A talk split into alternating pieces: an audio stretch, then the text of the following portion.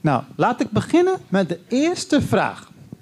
Nou, ik uh, zal even kort even uh, zeggen wat de vraag is. Soms zijn het best wel wat lange verhalen. Um, en dit gaat eigenlijk over mensen, uh, Chris, waarvan jij ja, hun leer hebt getoetst aan de Bijbel. bekende ja, charismatische leraren. En de vraag concreet is: zijn deze mensen bewust bezig uh, ja, om mensen te misleiden en uh, om de mammon te dienen? Of zijn het blinde profeten die misleid zijn door de vader van de leugens? Dat is ja. uh, de eerste vraag. Ja, ik kan me voorstellen dat mensen dat heel interessant vinden om dat te vragen. Alleen het probleem is dat wij dat niet weten. He, dat wij niet kunnen oordelen over de harten van mensen. Er zijn uh, mensen in allebei die categorieën. Er zijn mensen die gewoon oprecht uh, de Heer willen dienen. Uh, maar een bepaalde leer verspreiden die ondermijnend werkt of ingaat tegen de leer van de Bijbel. Er zijn ook mensen die zich bewuster zijn van wat ze doen en die daar iets mee te winnen hebben. Ofwel geld, ofwel reputatie, uh, of iets anders. Waarom mensen doen wat ze doen, dat weten wij niet. Daar moeten we ook voorzichtig voor zijn om dat te oordelen. Hè? En um, het kan ook zijn dat iemand uh, waarachtig een roeping heeft om God te dienen maar zeker in de eerste fase van zijn bediening, gewoon fouten maakt. Gewoon dingen zegt die niet kloppen, die niet bijbels zijn, die schadelijk zijn. Daar zich van zou moeten bekeren, zich moet corrigeren, zich moet aanpassen. Ik denk dan altijd, nou, wat moet zo iemand mij toch dankbaar zijn dat ik dat dan laat zien aan zo iemand. Hè? Dat je kan laten zien vanuit de Bijbel, je leert iets, dat klopt niet. Zonder te oordelen over wat dan precies iemands motivatie is, kun je wel laten zien van hé, hey, je onderwijst iets en je onderwijst dat op een vrij consequente manier, maar het is niet bijbels, het klopt niet. Ja, ik moet eerlijk zeggen, als iemand naar mij toe komt hè, na een preek, en het boeit mij niet of dat iemand daar een YouTube-video over maakt of dat iemand dat uh, publiekelijk doet, want dat maakt me niet zoveel uit, maar iemand zegt, Chris die onderwijst iets, dat klopt niet met de Bijbel. Dus ik denk, ja, beter dat die persoon mij dat nu vertelt dan dat ik straks voor de troon van Jezus sta en verantwoording moet afleggen als leraar van Gods woord van een fout die ik heel mijn leven heb onderwezen. Dus ik denk zelf dat het oordelen over iemands hart, daar ga ik niet over. God kent iemands hart. Ja, dat geldt net zo goed voor mensen die dwaalleer verspreiden. Maar wat, wat ik doe, en volgens mij wat ook de taak is van apologetiek, is niet om mensen te veroordelen, maar is om een leer te toetsen. En te zeggen, hey, dit is wat deze persoon op dit moment onderwijst. En meestal probeer ik dat los te koppelen van de persoon. Zeg ik, hey, dit is een bepaalde leer. Bijvoorbeeld de Word of Faith theologie of het welvaartsevangelie. Dan zeg ik, oké, dit is een leer. Hè? De ene keer is het dit poppetje die het predikt. De andere keer is het dat poppetje die het predikt. Het gaat niet over de poppetjes die het prediken. Het gaat over de leer. Die leer die wordt nu gepredikt door deze persoon. Over tien jaar is die persoon weer weg. Is er weer iemand anders die hem predikt. Wij willen die leer aankaarten en aangeven, dit gaat in tegen principes van Gods woord. Zeg, ja, maar 90% van die leer is toch gewoon bijbels? Dat kan zijn. Alleen als jij in een restaurant zit en er wordt een, een, een mooi bord eten voor jouw neus gezet, maar er ligt een dode hagedis, stinkend, rottend, zo midden op dat bord, zeg je ook niet, ja, 90% van wat ik hier voor me heb staan, dat was gewoon goed. Maar die hagedis, die gooi ik weg en ik eet de rest op. Nee. Want je weet dat er iets niet klopt. Er klopt iets niet. Wat is er gebeurd? Hoe is dit eten tot mij gekomen? Hetzelfde geldt voor um, uh, een klein beetje rattengif. Er wordt altijd een klein beetje gif toegevoegd aan een bepaald lekker eten voor de rat, waardoor de rat het eet. Als het alleen maar gif zou zijn, zou de rat het niet eten. Ja?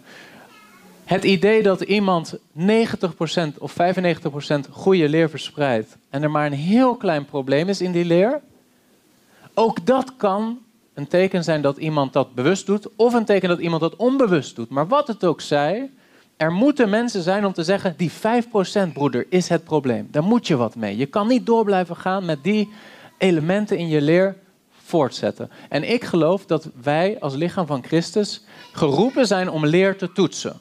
Niet om mensen te veroordelen, maar om leer te toetsen. Als die persoon een waarachtig kind van God is, dan zal die door de Heilige Geest, wanneer die geconfronteerd wordt met deze situatie, zich bekeren en zeggen: Ik ga publiekelijk erkennen, dit klopt niet. Ik had het anders moeten doen. En dat zal dan een teken zijn dat die persoon waarachtig bij God hoort.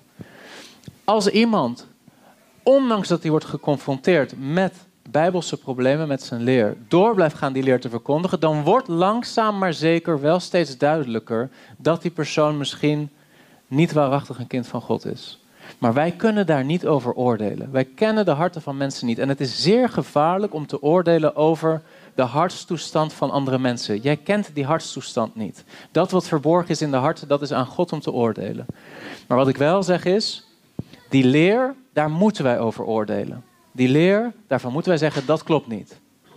En ieder persoon die ik in mijn YouTube-video's aankaart, kaart ik aan niet om die persoon daarmee te beschadigen, maar om mensen te waarschuwen voor de leer en de beschadigende elementen daarvan. En ik hoop en bid tot God dat ieder persoon die ik aankaart in mijn video's oprecht tot inkeer komt van die verspreiden van die leer. Ik hou over het algemeen van al die mensen, want ik geloof dat de Bijbel zegt dat wij alle mensen moeten liefhebben.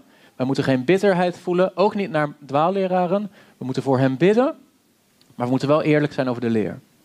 En je ziet dat mensen dat niet altijd goed begrijpen. Je ziet dat wanneer ik een leer aankaart, en het gaat niet over één persoon, het gaat niet over. Dit is een patroon, ik doe dit al nou ja, zo'n twee jaar op YouTube. Je ziet heel vaak dezelfde reactie. Broeder, je oordeelt over die persoon. Nee, ik oordeel niet over die persoon. Ik oordeel over de leer.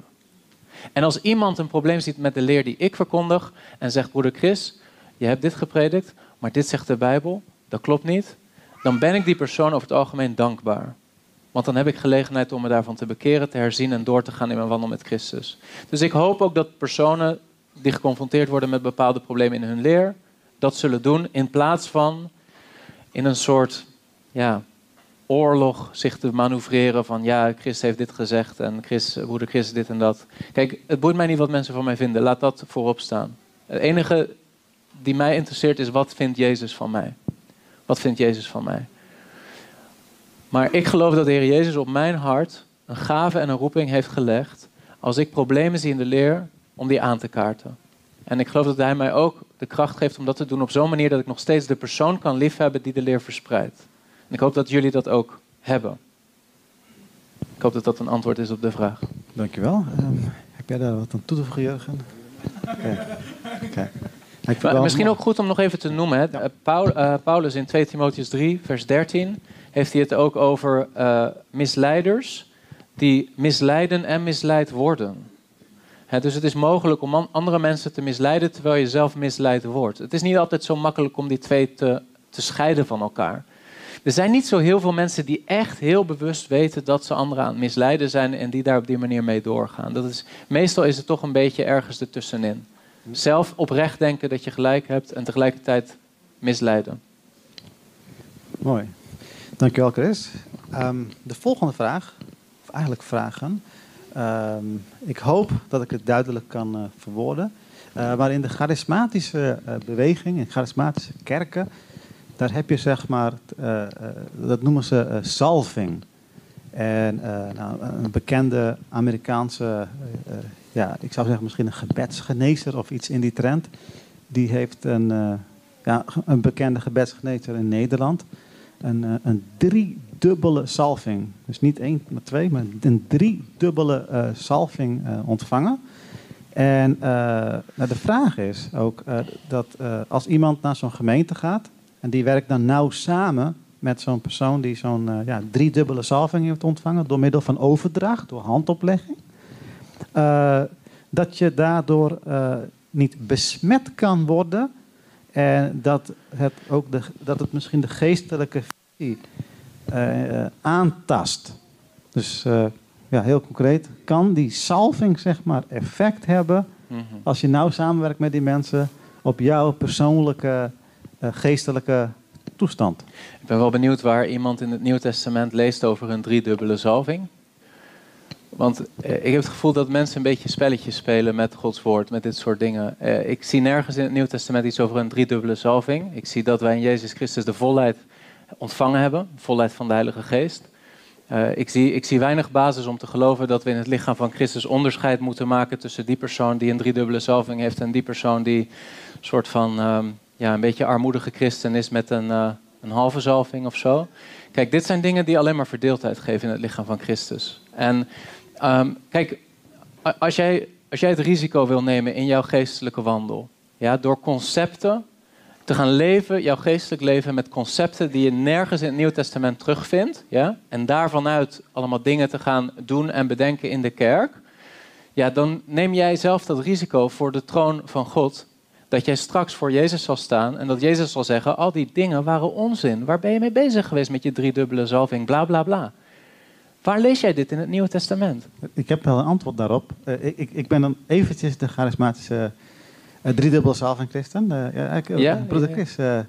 ze brachten volgens mij mensen naar de graf van Elia of Elisha, geloof ik. En toen gebeurde er een wonder. Dus ja, we kunnen naar de graven gaan van mensen met genezende krachten. En op basis van die tekst kunnen we dan die salving ontvangen. Noemen ze ook wel grave sucking. Soaking. Ja. Soaking, oké. Soaking, ja, ja, ja. Oké. Ja. Nou, en maar tegelijkertijd moet je wel beseffen dat er een verschil is. Kijk, in het Nieuwe Testament wordt de Heilige Geest geschonken aan alle wedergeboren gelovigen. Dat is het getuigenis van de Pinksterdag. Ja. In het Oude Testament hadden bepaalde dienstknechten van God een specifieke bediening en waren daarin onderscheiden van de rest van het volk Israël, de profeten. En we lezen in het Nieuwe Testament ook dat God eertijds gesproken heeft op vele wijzen in vele perioden, Hebreeën hoofdstuk 1, vers 1, door de profeten. En de profeten hadden inderdaad een soort zalving van Gods geest die de rest van het volk niet had. Maar in het Nieuwe Testament is juist een van de meest typerende aspecten van het feit dat wij in het lichaam van Christus zijn gekomen, is dat wij allen de Heilige Geest hebben ontvangen. Dat God ons heeft samengevoegd, 1 Korinthe hoofdstuk 12, in één lichaam, in één geest, en dat wij allen diezelfde geest ontvangen hebben. En juist die eenheid wordt benadrukt in het Nieuwe Testament. Dat, dat wij niet onderscheiden zijn van elkaar door het hebben van de Heilige Geest, maar juist omdat we wel allemaal de Heilige Geest hebben. En wat mensen gaan doen nu, is stiekem weer opnieuw soort van zich verhogen boven andere mensen. Ja, maar broeder, ik heb een tweedubbele zalving. Jij hebt een eendubbele zalving. Ik heb een driedubbele zalving. Nou goed, uh, de volgende broeder heeft een zestiendubbele zalving. Hè? En wat is dan jouw driedubbele zalving? Dit is allemaal vleeselijke onzin. Dit, dit lees je niet in het Nieuwe Testament. Weet je wat voor mij getuigenis is dat iemand de Heilige Geest waarachtig heeft, is dat hij zijn tijd niet verspilt met dit soort dingen, maar dat hij bezig is met Jezus prediken. Het evangelie prediken, mensen laten zien wie Jezus is. Heel vaak de mensen, en dat heb ik vaker gezegd, maar het duidelijkste teken dat iemand vol is van de Heilige Geest, is dat die persoon predikt Jezus. Spreekt tot mensen over Jezus. En de mensen die bezig zijn met tweedubbele, driedubbele zalving van de Heilige Geest, voor mij is het een van de duidelijkste tekenen dat ze misschien de hele Heilige Geest niet hebben. Ze zijn bezig met de verkeerde dingen. De Heilige Geest is zo niet. De Heilige Geest die neemt uit Jezus en verkondigt het aan mensen. Dus als ik, en er zijn mensen die, die misschien niet eens zo bewust zijn van hoe vol ze zijn van de Heilige Geest, die alleen maar bezig zijn met Jezus prediken. Op de straat, in dit contact of dat contact, misschien helemaal niet zo bezig zijn met ja, de zalving van de Heilige Geest. Die heb ik denk ik wel, maar Weet je, ik ben gewoon bezig met Jezus spreken. Ik ben gewoon bezig met mensen uitleggen dat Jezus is gestorven voor onze zonden. Dat we ons moeten bekeren. Dat hij, dat hij wil werken in ons leven. Dat we kunnen wandelen door Hem. Dat zijn mensen die vervuld zijn van de Heilige Geest. Dankjewel. Jurgen? Um, klein moment. We gaan eerst de vragen. Ja. Uh, heb jij nog wat uh, over uh, deze... Misschien straks. Straks ook. Ehm, de volgende vraag is: uh, als christenen uh, bezig zijn met dingen als uh, sorry, ja, mindfulness of christelijke yoga of new age-achtige behandelingen, kunnen zij daardoor gebonden of vastzitten door deze misleidingen? Heeft het effect op christenen? Is denk ik de vraag. Um, nou, laat ik het zo zeggen, dat is een hele opvolging van zaken die nu genoemd wordt. Hè? Mindfulness, yoga, et cetera, et cetera. In de psychiatrie wordt wel eens bij uh, mensen met bijvoorbeeld moeite om hun emoties te reguleren. Dus mensen die, de, die, wat uh, gevoelig zijn voor emotionele wisselingen. Of mensen die zich heel snel afgewezen kunnen voelen. Hè? Dus op het moment dat je ook maar uh, met je ogen knippert, kan het zijn dat sommige mensen, en dat kan ook te maken hebben door hoe ze opgroeien in hun gezin, relatie met ouders, dingen die daar gebeurd zijn. Mensen die meteen eigenlijk met hun emoties meegezogen worden door afwijzing. Die gelijk zich afgewezen voelen, terwijl je later denkt. En die dan bijvoorbeeld boos worden. Dus gelijk zich afgewezen worden, maar dan boos worden op jou. Dat, dat zie je bijvoorbeeld wel eens bij eh, wat ze in de psychiatrie noemen borderline. Borderline persoonlijkheidsstoornis. Dat kan van alles, kan van, met van alles te maken hebben. Die mensen die hebben er wel wat aan om te leren om wat langer stil te staan bij wat ze voelen voordat ze gaan handelen. Dus eerst, wat voel ik eigenlijk? Wat, wat voor emoties komen er bij mij op? Waarom zijn die emoties er? Mindfulness is gewoon een term die ze uit de, uh, uit de Oosterse uh, meditatie hebben gehaald. Maar mindfulness betekent niet heel veel meer dan dat je aandachtig bij jezelf kijkt: wat gebeurt er met mij? Waarom voel ik wat ik voel? Wat gebeurt er van binnen? Daar hebben de Oosterse meditatiegoeroes uh, geen patent op. Dat is, dat is gewoon zintuigelijk waarnemen wat er gebeurt bij jou van binnen. Dat is een gave die God jou heeft gegeven. Oké? Wat de duivel doet is iets wat God heeft gemaakt pakken, bijvoorbeeld muziek. Dan vervolgens maakt de duivel één death metal band en eh, met allemaal expliciet antichristelijke teksten erin. En dan zeggen christenen: Oh, muziek is van de duivel.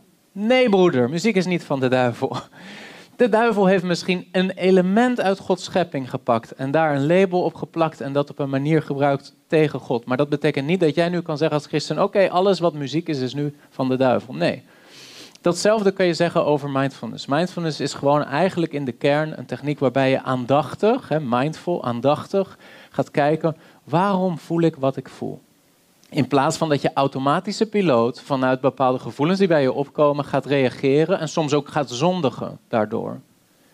want vaak wij praten eh, al heel snel en gaan we mensen met onze woorden beschadigen vanuit een stukje boosheid bij ons. Onderliggend zit daaronder een stukje verdriet, onderliggend zit er een stukje afwijzing, onderliggend zit er iets wat te maken heeft met ons eigen gezin van opgroeien, et cetera, et cetera technieken die jou helpen om daarbij stil te staan. Wat gebeurt er bij mij? Kunnen heel helpend zijn als je vastloopt in je leven hierdoor.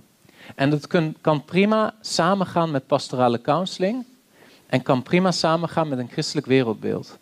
Heb je het over yoga en heb je het over specifieke uh, hindoeïstische uh, technieken die, die ook gelieerd zijn aan bepaalde godsbeelden, dan kom je wel een beetje in een gevarenzone.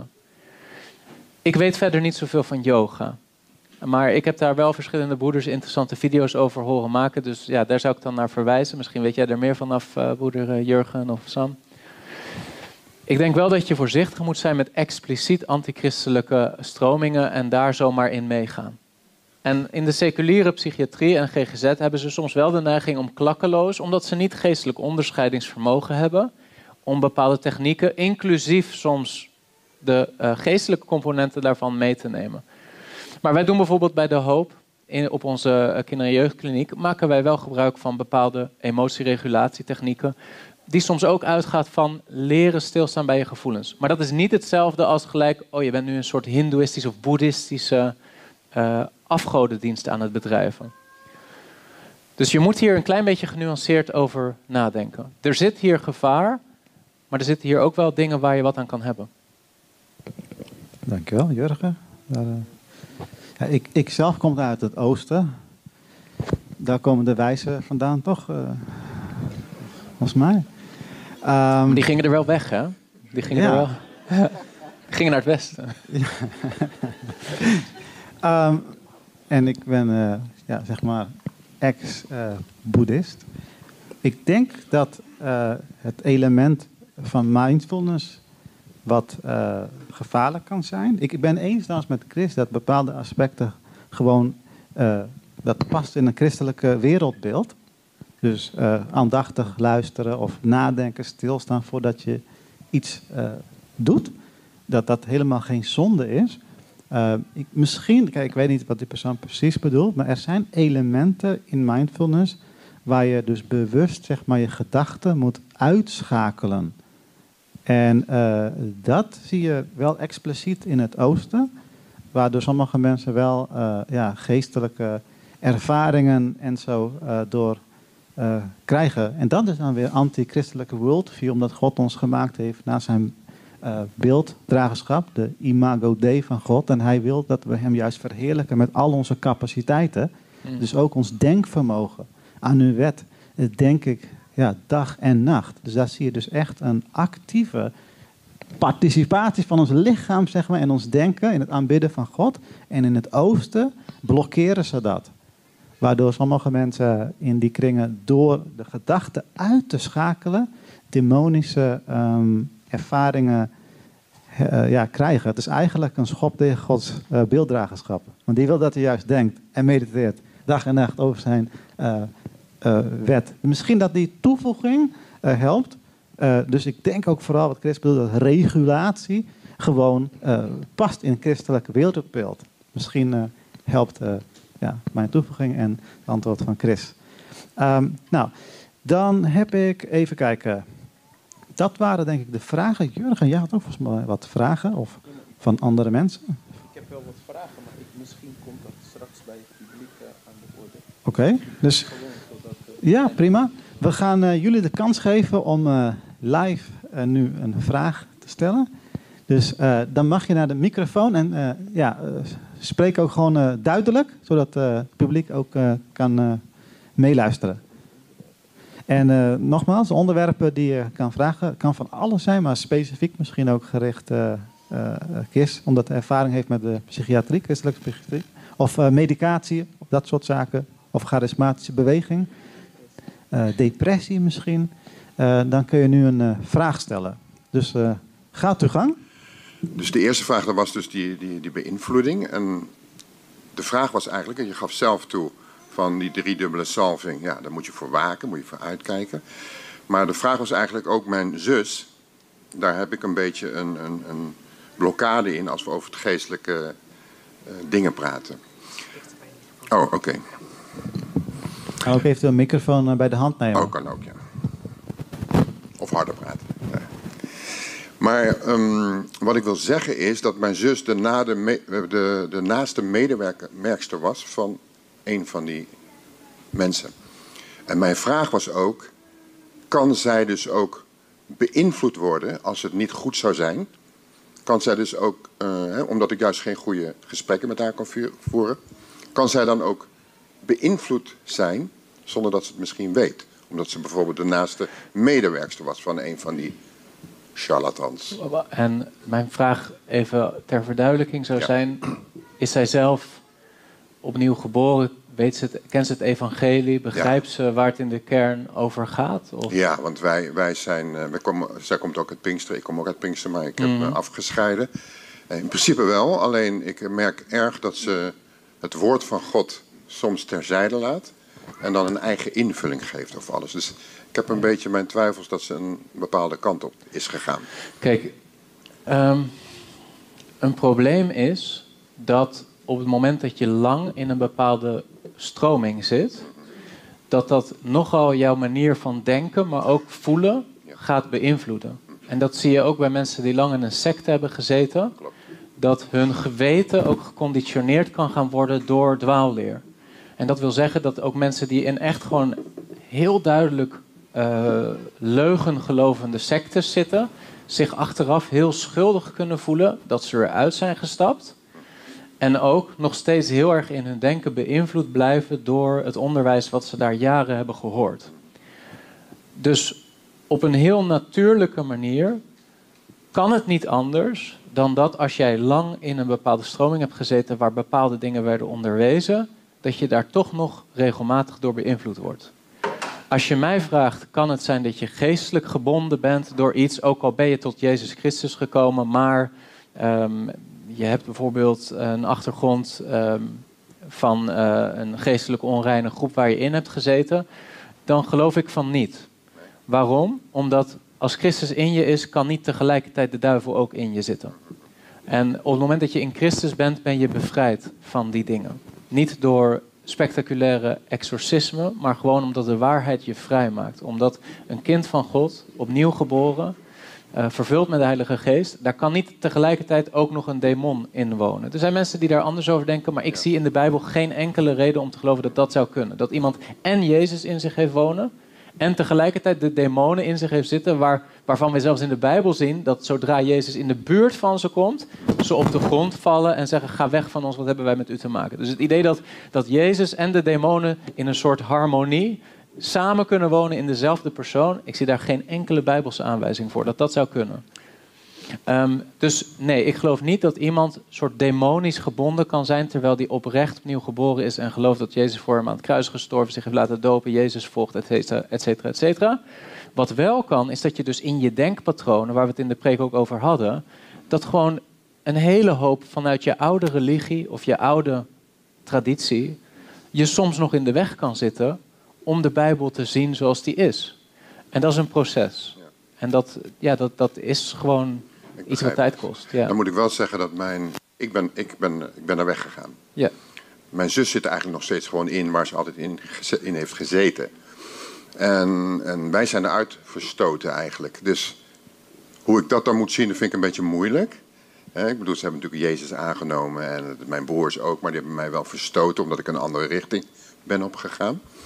Ja, dan vind ik het altijd nog moeilijk om te kijken van ja, ze, ze erkennen Jezus als de Zoon van God enzovoort.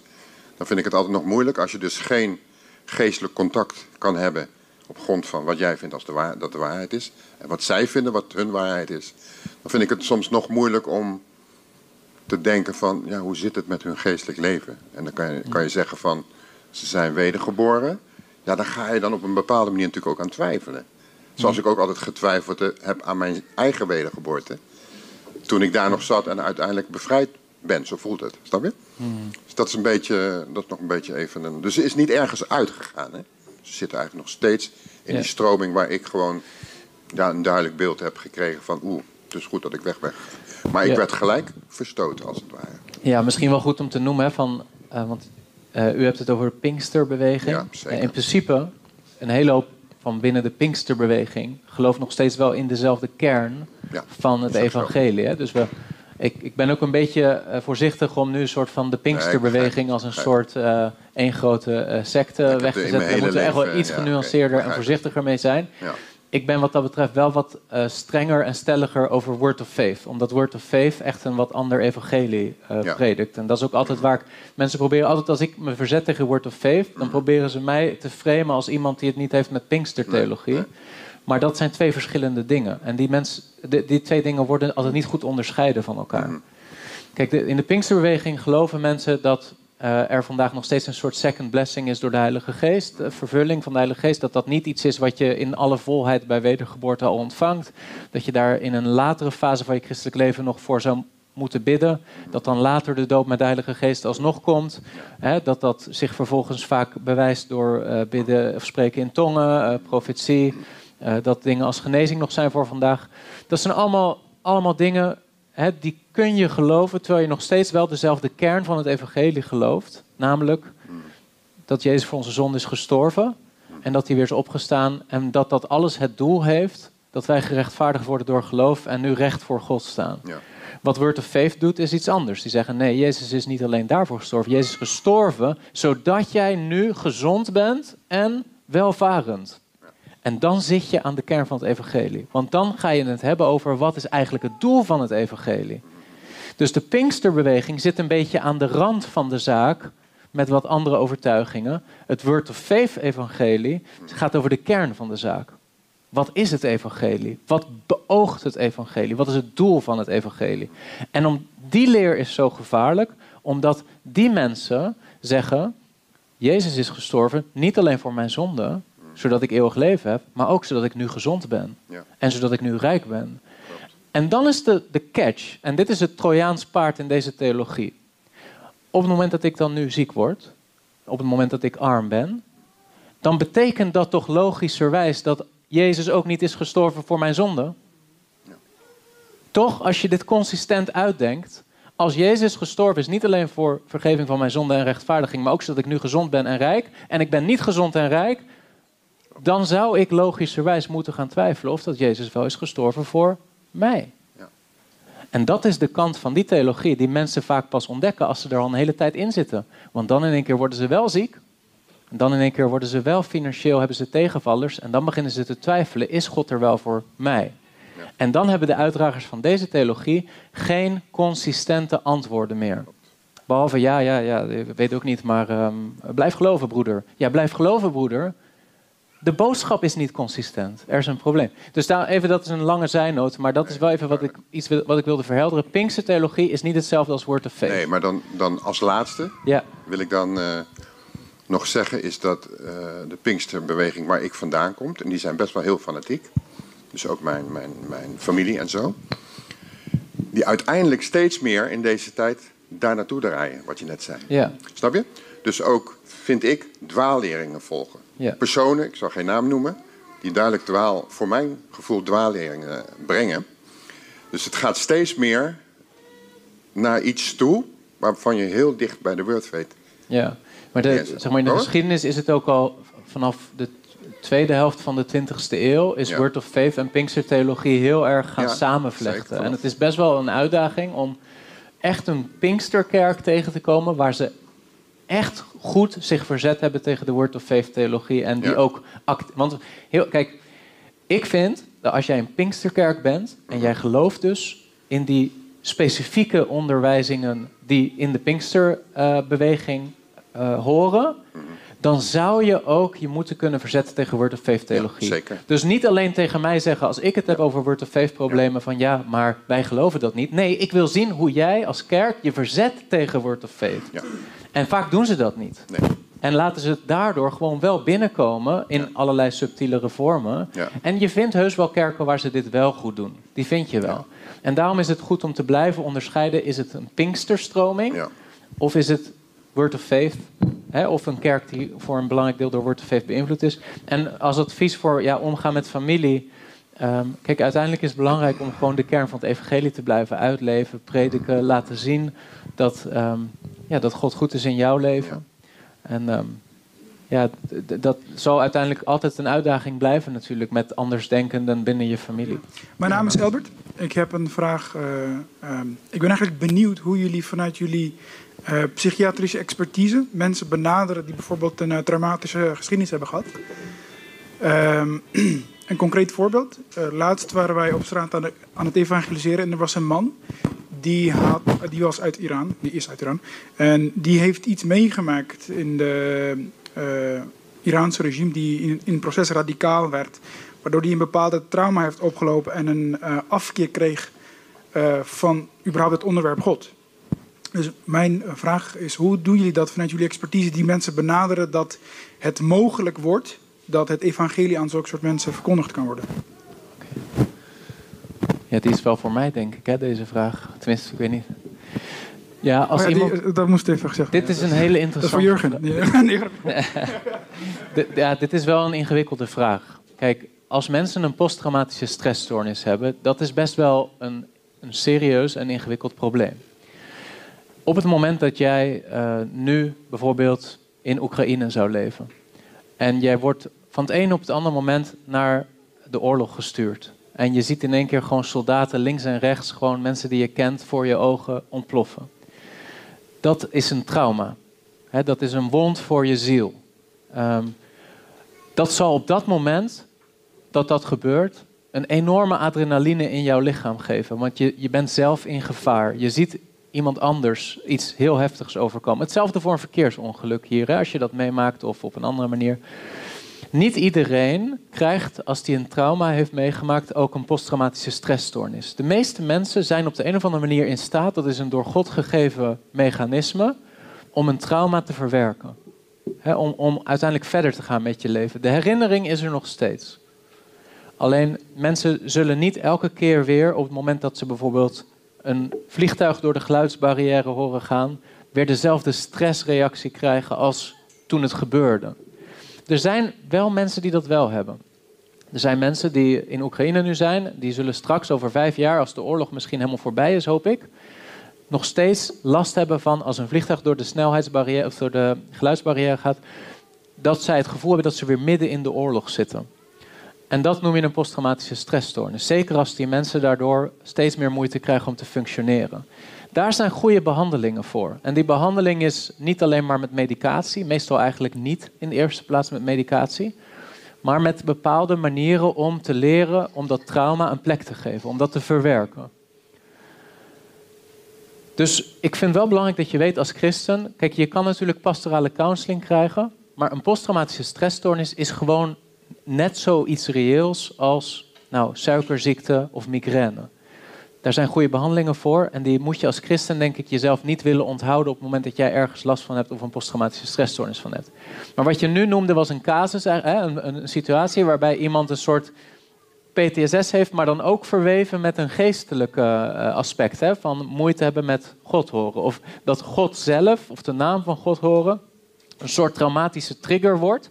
Zoals dat vliegtuig wat door de geluidsbarrière wordt, waar, uh, gaat. Waardoor je eigenlijk niet meer kan praten met iemand over God. zonder dat iemand in zo'n stresssituatie schiet. En dan zou ik zeggen, dit is heel ingewikkeld wat je nu noemt. Hè? Daar heb ik eigenlijk geen pasklaar antwoord op. Maar wat ik dan wel zou zeggen is: oké, nu gaat God boven menselijke wijsheid. En in dat geval zou ik zeggen: predik het evangelie toch aan die persoon. Met zachtmoedigheid, met liefde. Ehm, maar laat je daarin dan niet te veel leiden door de menselijke wijsheid. Die persoon heeft waarschijnlijk twee dingen nodig: het evangelie van Jezus Christus en een traumabehandeling.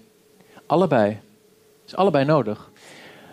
En dat is misschien ook de boodschap voor die persoon. Van hey, zorg dat je behandeling krijgt, dat je goede behandeling krijgt. Er zijn allerlei goede behandelingen voor trauma. Hè? Imaginaire exposure, cognitieve gedragstherapie, EMDR is ook een vrij effectieve, goede therapievorm. Um, en dat zijn in de kern geen antichristelijke therapieën, maar gewoon therapieën waar mensen heel veel aan hebben en die goed kunnen helpen. Ja, dus ik zou zeggen, zoek die hulp als je die nodig hebt. En, uh, als je daar meer vragen over hebt, wil ik ze wel beantwoorden. Want ja, dat ben ik in het dagelijks werk zijn we ook bezig met deze dingen. En het mooie is, we zien ook wel soms dat, weet je, uh, zeker als christelijke psychiater denk ik, wij, wij zijn soms ook gewoon bezig om mensen te helpen en daardoor heen te laten zien wie Jezus is. Hè? Het is een christen zijn is niet, is niet altijd dat je de juiste woorden spreekt en dat die woorden op zichzelf het probleem oplossen. Christen zijn is soms ook er zijn voor iemand. Er was iemand uit jullie gemeente die vroeg mij laatst een keer in de wandelgang van hé, hey, we gaan binnenkort langs bij, een, uh, bij iemand die een depressie heeft. En wat, wat moeten we zeggen? Wat zijn de juiste woorden? Ik denk dat het zo typisch dat wij dan gaan zoeken van wat zijn de juiste woorden? Van wat moet ik zeggen? Hoe kan ik een getuigenis zijn? Of, maar weet je dat ik geloof helemaal niet dat jouw woorden het allerbelangrijkste zijn. Het feit dat je er bent is veel belangrijker. Jij bent er. Jezus heeft niet gezegd, toen ik ziek was, toen heb je me bezocht en toen heb je de juiste woorden gesproken. Nee, hij zegt, ik was ziek en u hebt mij bezocht. Soms ben jij een christen door er te zijn voor iemand anders, los van de woorden die je spreekt. En ik weet dat wij heel vaak vanuit onszelf bezig zijn met, oh, als ik maar de juiste woorden zeg, als ik maar de juiste, de juiste wijsheid spreek. Maar weet je, je bent als christen niet geroepen alleen maar om, de juiste woorden te spreken. Je bent als christen geroepen om een model te zijn van wie Jezus is voor mensen. Soms is het beter om gewoon naast iemand te zitten en zeggen: Goh, wat moet je moeilijk hebben? Hè? Maar ik ben er voor je. Nou, daarmee ben je een getuigenis van het Evangelie. Wat is uh, Christian psychology? Dus hoe meng je die twee dingen bij elkaar? Dus hoe je ziet, uh, zeker uh, het oog van gereformeerde christen en psychologie dat gericht is op de mens. Dus hoe meng je die twee dingen? Oké.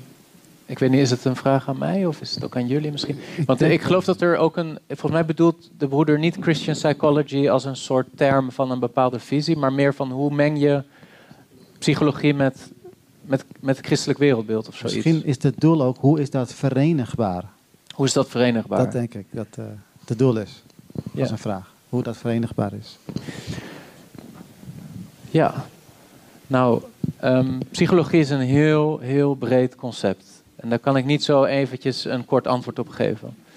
Maar wat wel zo is, kijk, waar het allemaal een beetje begint in de psychiatrie, is dat mensen bepaalde klachten hebben. En dat kunnen allerlei soorten klachten zijn. Het kan depressie zijn, kan een angststoornis zijn, het kan een paniekstoornis zijn, kan een posttraumatische stressstoornis zijn, kan autisme zijn, kan schizofrenie zijn. Uh, er zijn zo ontzettend veel problemen die mensen kunnen hebben, psychische problemen. Het kan ook een persoonlijkheidsstoornis zijn. Dat zijn zulke uiteenlopende problemen. En daar zijn ook zulke uiteenlopende uh, verschillende behandeltechnieken voor, dat het echt heel moeilijk is om een goed antwoord te geven op deze vraag. Um, wat wel zo is, is dat het helpt om te praten over dingen. Het helpt om te praten over dingen. Dat is eigenlijk een heel simpel inzicht. Je hebt zoiets als psychotherapie. Ik weet niet of jullie daar wel eens van gehoord hebben, maar mensen die bijvoorbeeld last hebben van een depressie, Of mensen die last hebben van een verhaal wat hun is overkomen in hun gezin van herkomst. Bijvoorbeeld mishandeling of misbruik of dingen die gebeurd zijn. Die worden vaak geholpen door met een psycholoog te praten over wat er is gebeurd. Er zijn verschillende manieren waarop die psychotherapie gedaan wordt. Er zijn allerlei inzichten over. Je hebt cognitieve gedragstherapie, daar zit een wereldbeeld onder. Dat wereldbeeld gaat meer uit van nou, dat bepaalde kernovertuigingen in je denken en bepaalde gedragspatronen jouw probleem onderhouden. Ehm, het kan ook zijn dat, dat je een andere therapie krijgt, bijvoorbeeld psychodynamische psychotherapie. Dat is meer terug te brengen op Freud en op zijn inzichten. Het kan ook zijn, of psychoanalyse. Het kan ook zijn dat je emotieregulatietherapie krijgt. Het kan zijn dat je schema-modi-therapie krijgt. Er zijn allerlei soorten psychotherapie. Al die psychotherapieën hebben andere kernovertuigingen rondom. Bijvoorbeeld, wat is het correcte mensbeeld? Of wat is de goede insteek om iemand te helpen met een probleem? Ik kan niet zo in één grote noemer zeggen: dit is een goede psychotherapie die verenigbaar is met het christelijk wereldbeeld. Nee, maar de meeste psychotherapieën helpen mensen wel. En dat is omdat God mensen zo heeft gemaakt dat wij elkaar nodig hebben. En dat wanneer iets met ons gebeurt in ons leven, en wij gaan daarover praten met iemand die niet over ons oordeelt, maar die naar ons luistert op een bijna onvoorwaardelijk steunende, liefhebbende manier, dan voelen wij ons verbonden en dat op zichzelf leidt ertoe dat we kunnen gaan reflecteren. Waarom doe ik dit eigenlijk? Waarom ben ik eigenlijk zo? En als je goed kijkt naar Jezus, dan zie je dat dat ook is wat hij vaak doet. Jezus gaat naar mensen toe en hij maakt verbinding met mensen. Hij praat met mensen. Hij veroordeelt mensen heel vaak niet. Maar denk bijvoorbeeld aan die uh, vrouw die al hoeveel keer getrouwd was, hoeveel keer gescheiden was. De vrouw bij de waterbron.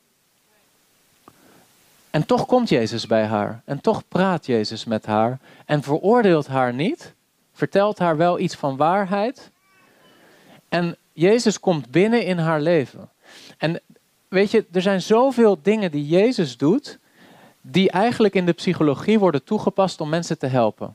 Bijvoorbeeld gewoon praten naar, met iemand, drie kwartier luisteren naar iemand. Heb je wel eens geprobeerd om drie kwartier te luisteren naar iemand zonder te gaan oordelen over wat hij zegt? Is echt heel moeilijk. Is heel moeilijk. Mensen denken dat dat makkelijk is, maar dat is niet makkelijk. Hè? Meestal als wij gaan praten met mensen, vertellen ze vijf minuten iets en dan ga jij jouw mening geven. Ja, broeder, maar dit. Je moet gewoon dat doen. Je moet gewoon zus of zo doen.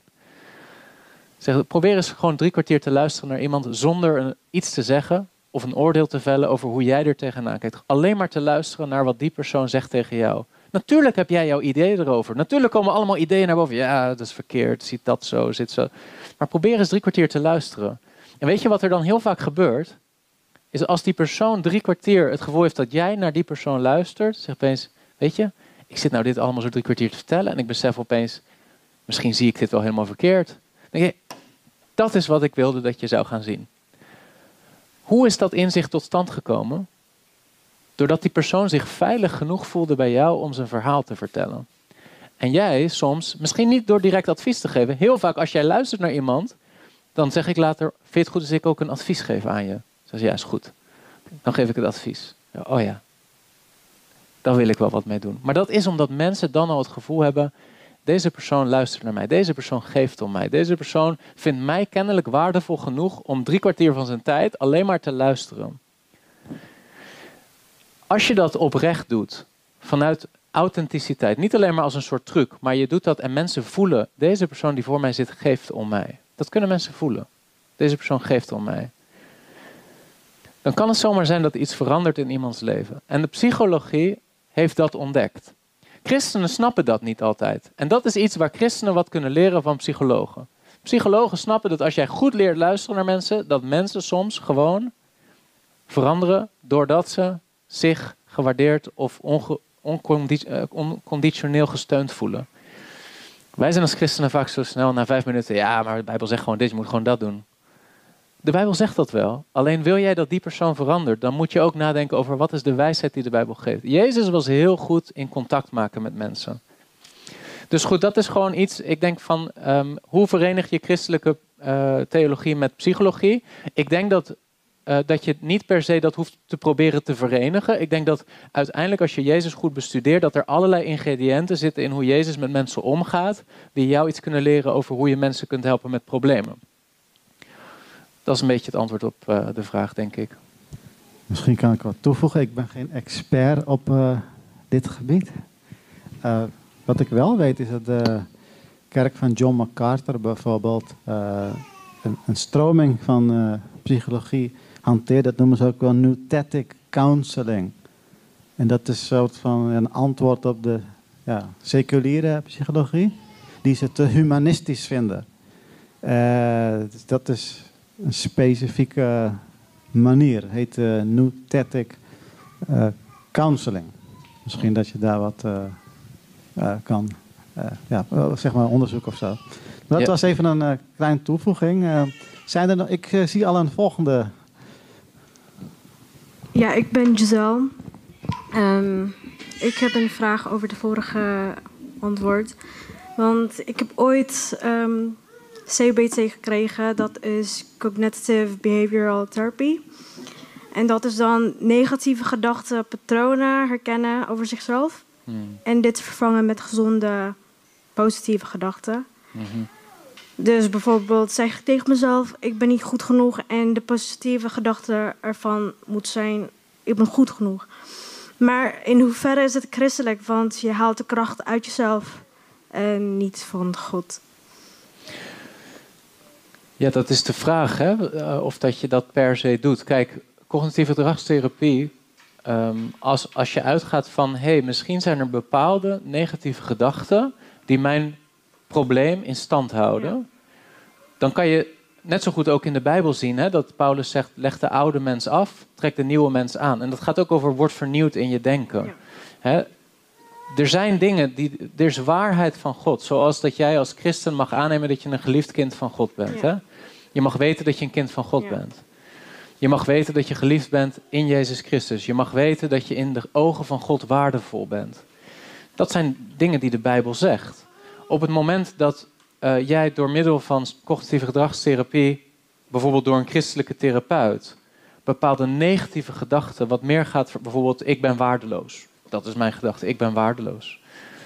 Oké, wat zegt de Bijbel over jou? Ik ben een geliefd kind van God. Als jij op een heel gerichte manier gaat oefenen in meer leven in die gedachte, ik ben een geliefd kind van God, en minder in die kernovertuiging, ik ben waardeloos, ja. dan hoeft daar helemaal niet iets onbijbels aan te zijn. Sterker nog, dat is bijna gewoon gehoorzamen wat Paulus zegt. in, in Efeze hoofdstuk 4 legt de oude mens af en wordt vernieuwd in je denken, trekt de nieuwe mens aan. Het wordt wel een probleem op het moment dat die nieuwe gedachten niet gegrond zijn in de waarheid van God. Dus op het moment dat je jezelf gewoon weer gaat vullen met een nieuwe leugen, zoals ehm, ik ben waardevol want ik doe meer goede dingen dan slechte dingen. Ja, dat is natuurlijk geen christelijke theologie. Dat is een, een kernaanname die net zo verkeerd was als de eerste. Dus daar heb je net wat meer nuance nodig om dan te zeggen van oké, maar wat is dan precies de nieuwe gedachte waarmee ik mijzelf moet vullen? Maar goed, onder de motorkap is het vaak ook wel nodig dat iemand gewoon opnieuw geboren wordt voordat hij echt anders kan gaan denken. dus dat, dat kan je niet helemaal met cognitieve gedragstherapie overnemen. Maar cognitieve gedragstherapie is weer een heel breed thema. Kijk, er zijn ook mensen die komen met een depressie bij een psychiater of een psycholoog. Zeggen ja, het gaat helemaal niet goed. Ik kom mijn bed niet meer uit. Ik lig alleen nog maar uh, op mijn kamer.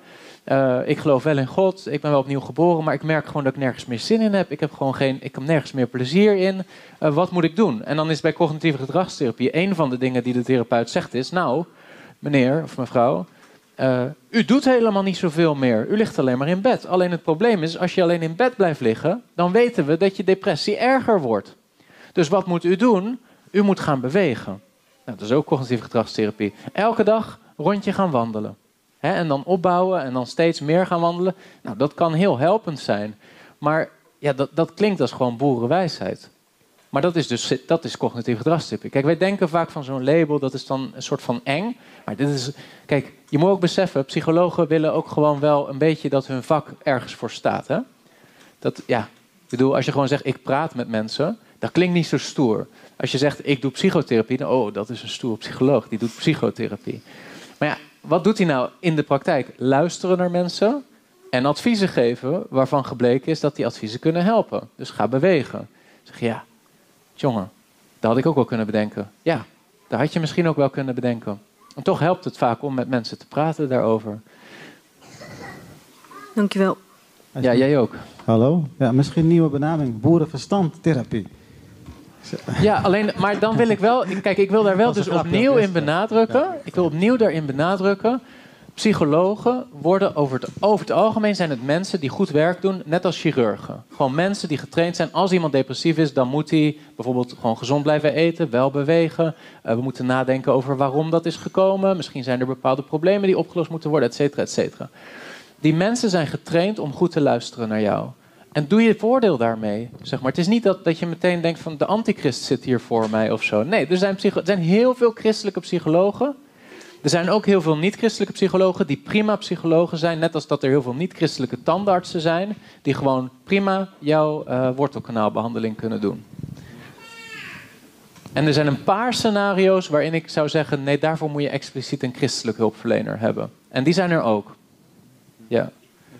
Ja, in de kern. eh, in de kern is het eh, denk ik wel belangrijk om te weten dat eh, God ook eh, bepaalde therapieën heeft gegeven om Gods kinderen te helpen. We moeten niet vergeten dat de psychologie af- uiteindelijk afkomstig is van God. Men heeft als het ware de zaken die de Bijbel voorlegt eigenlijk tot zich genomen.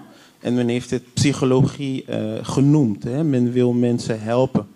Eh, wat mij vooral ook heeft geholpen is, eh, is dat, eh, dat de Bijbel ook zelf aangeeft in 2 Korinthe 10, als we slechte gedachten hebben, dat we die onder de heerschappij van Christus moeten plaatsen. En dat betekent niet dat we een slechte gedachte weg moeten doen en een goede gedachte moeten aannemen. Maar dat we eigenlijk tegen onszelf zeggen: Heer, deze gedachte is niet van u. Ik wil deze gedachte onderwerpen aan de heerschappij van u. En ik verwacht van u dat u mij gedachten geeft waarmee ik wel kan omgaan. En waarmee ik wel een leven kan leven die ter ere is van u. En als we dat vaak genoeg doen, dan zullen we zien dat, zoals Corrie ten Boom dat ook heeft gezegd, dat eh, als een bel die, eh, ja, die, eh, die 12 uur slaat, zeg maar. Dat die, dat die galmen steeds minder worden naarmate we geoefend worden om onze gedachten eh, te hervormen en iedere keer weer onder de heerschappij van Christus te plaatsen. En als we daarin oefenen, dan, eh, ja, dan zijn we eigenlijk gewoon eh, ja, aan de ene kant, men zal het zeggen, met psychologie bezig, maar ik noem het liever pastoraat. Dan zijn we onszelf aan het trainen om te leven zoals God dat van ons vraagt. En hij ons ook dat antwoord heeft gegeven vanuit de Bijbel. Ja, en ik wil nog even toevoegen. Kijk, het gaat uiteindelijk wel ten diepste om wedergeboorte. Is iemand opnieuw geboren? Je moet niet denken dat iemand met CBT, CGT, opnieuw geboren zal worden. Nee. En mensen die depressief zijn, die, die de Heer Jezus niet hebben, wat hebben ze in de kern natuurlijk altijd nodig?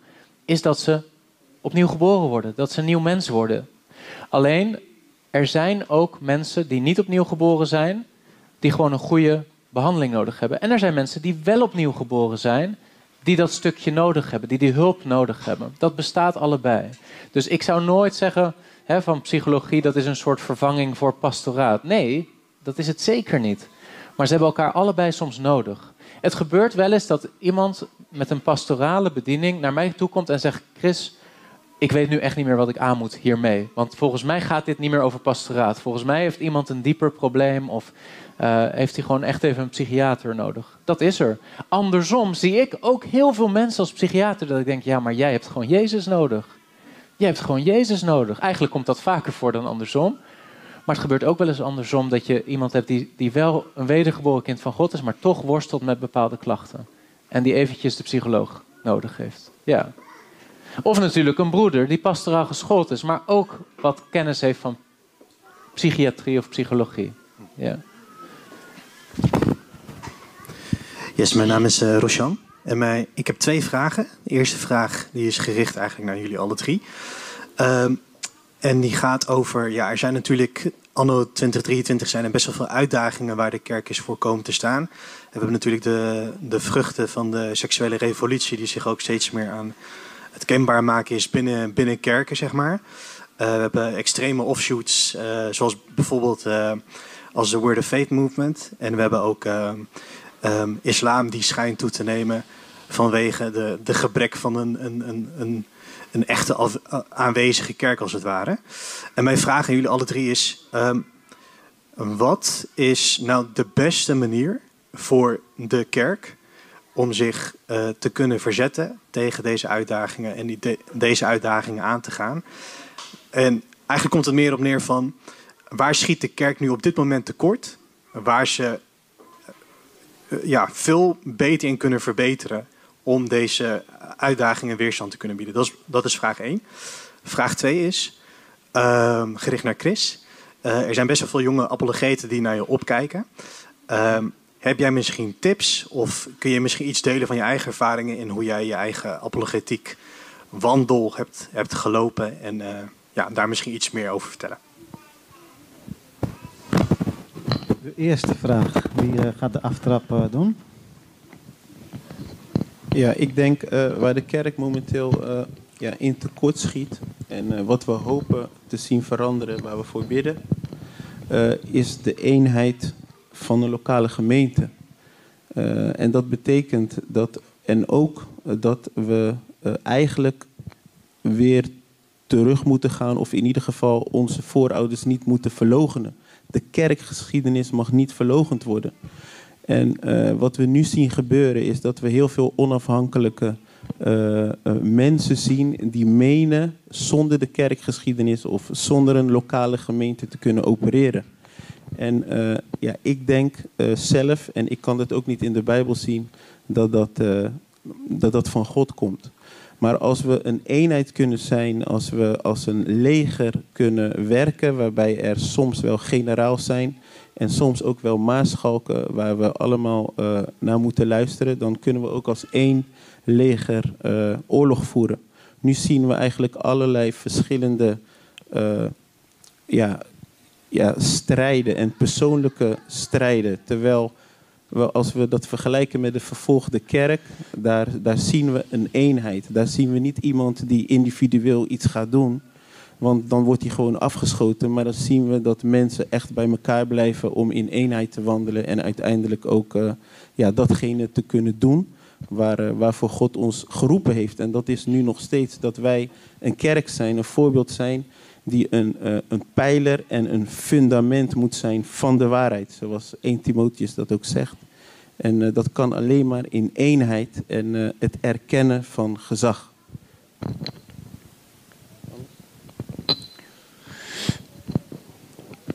Wil je nog wat toevoegen? Uh, ik ga wel als laatst. Oké. Okay. Ik dacht, ik daar als laatst kan ik inspiratie opnemen. Uh, maar uh, even kijken, al die ontwikkelingen. In hoeverre we daar weerbaar, weerbaar voor moeten zijn. En waarin we tekort schieten, begrijp ik. Hè? een van de eerste dingen die bij mij opkomt is de liefde voor de waarheid ook. De liefde voor de waarheid. Ik geloof echt dat als christenen, eh, misschien verschillende denominaties, maar als ze echt een liefde voor de waarheid hebben, hebben ze een gebroken hart, een zachte hart, die eigenlijk zegt van, hey, zie of er in mij een schadelijke weg is.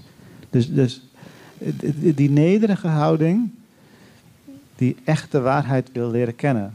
Uh, ik denk dat dat ook de werking is van de Heilige Geest. Ik denk dat de Heilige Geest ook mensen bij elkaar brengt in de waarheid. In de waarheid. Uh, ik denk dat het een basis is. wat ook bij mij verder opkomt, is dat we ook echt Gods woord als hoogste gezag zien. Weet je, ik geloof ook echt in sola scriptura. Dat dit de lens is waar we ja, het hele leven door bekijken. Um, maar daar zie je al ja, toch wel wat hier en daar ja, ja, afwijking, zeg maar. In heel veel kerken. Ze zeggen wel misschien, hey, de Bijbel is het hoogste gezag, maar als, als het erop aankomt, is het uiteindelijk toch hun gevoel. Of toch hun ervaring. Of toch hun passie of verlangen. En ik denk dat dat uh, ja, gevaarlijk is. Maar dan ga je steeds meer conformeren ook gewoon eh, aan de wereld en dat soort zaken. Dus eh, dat we echt Gods woord als hoogste gezag zien en dat werkelijk ook eh, ja, menen en dat ook nastreven als christenen. Dat brengt eh, ja, ons dichter eh, bij de eh, waarheid. Dus, en, die, vooral ook dat liefde ja, voor de waarheid vind ik echt heel erg belangrijk. Het was volgens mij Augustinus die zei van de essentie van de zonde is liefde in disorder. Dus we kunnen soms ook hele goede dingen lief hebben, maar als het niet in orde is met wat God bedoelt, ja, dan leidt dat ook tot verwarring. Dat zie ik ook wel eens soms eh, ja, eh, gebeuren. Ehm, dus dat, eh, ja, en daarin eh, in eenheid eh, wandelen als kerk. Ik schrijven, ja, ik, eh, ben het eens met wat Jurg ook zei.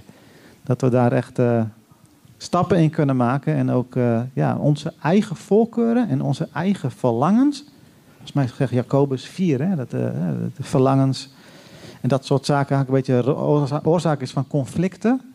Dat we dat opzij kunnen leggen ter wille van Christus, ter wille van de missie, ter wille van de eenheid, maar wel rond de heilige, veilige kaders van Gods woord. Dat is even wat mij eh, te binnen schoot.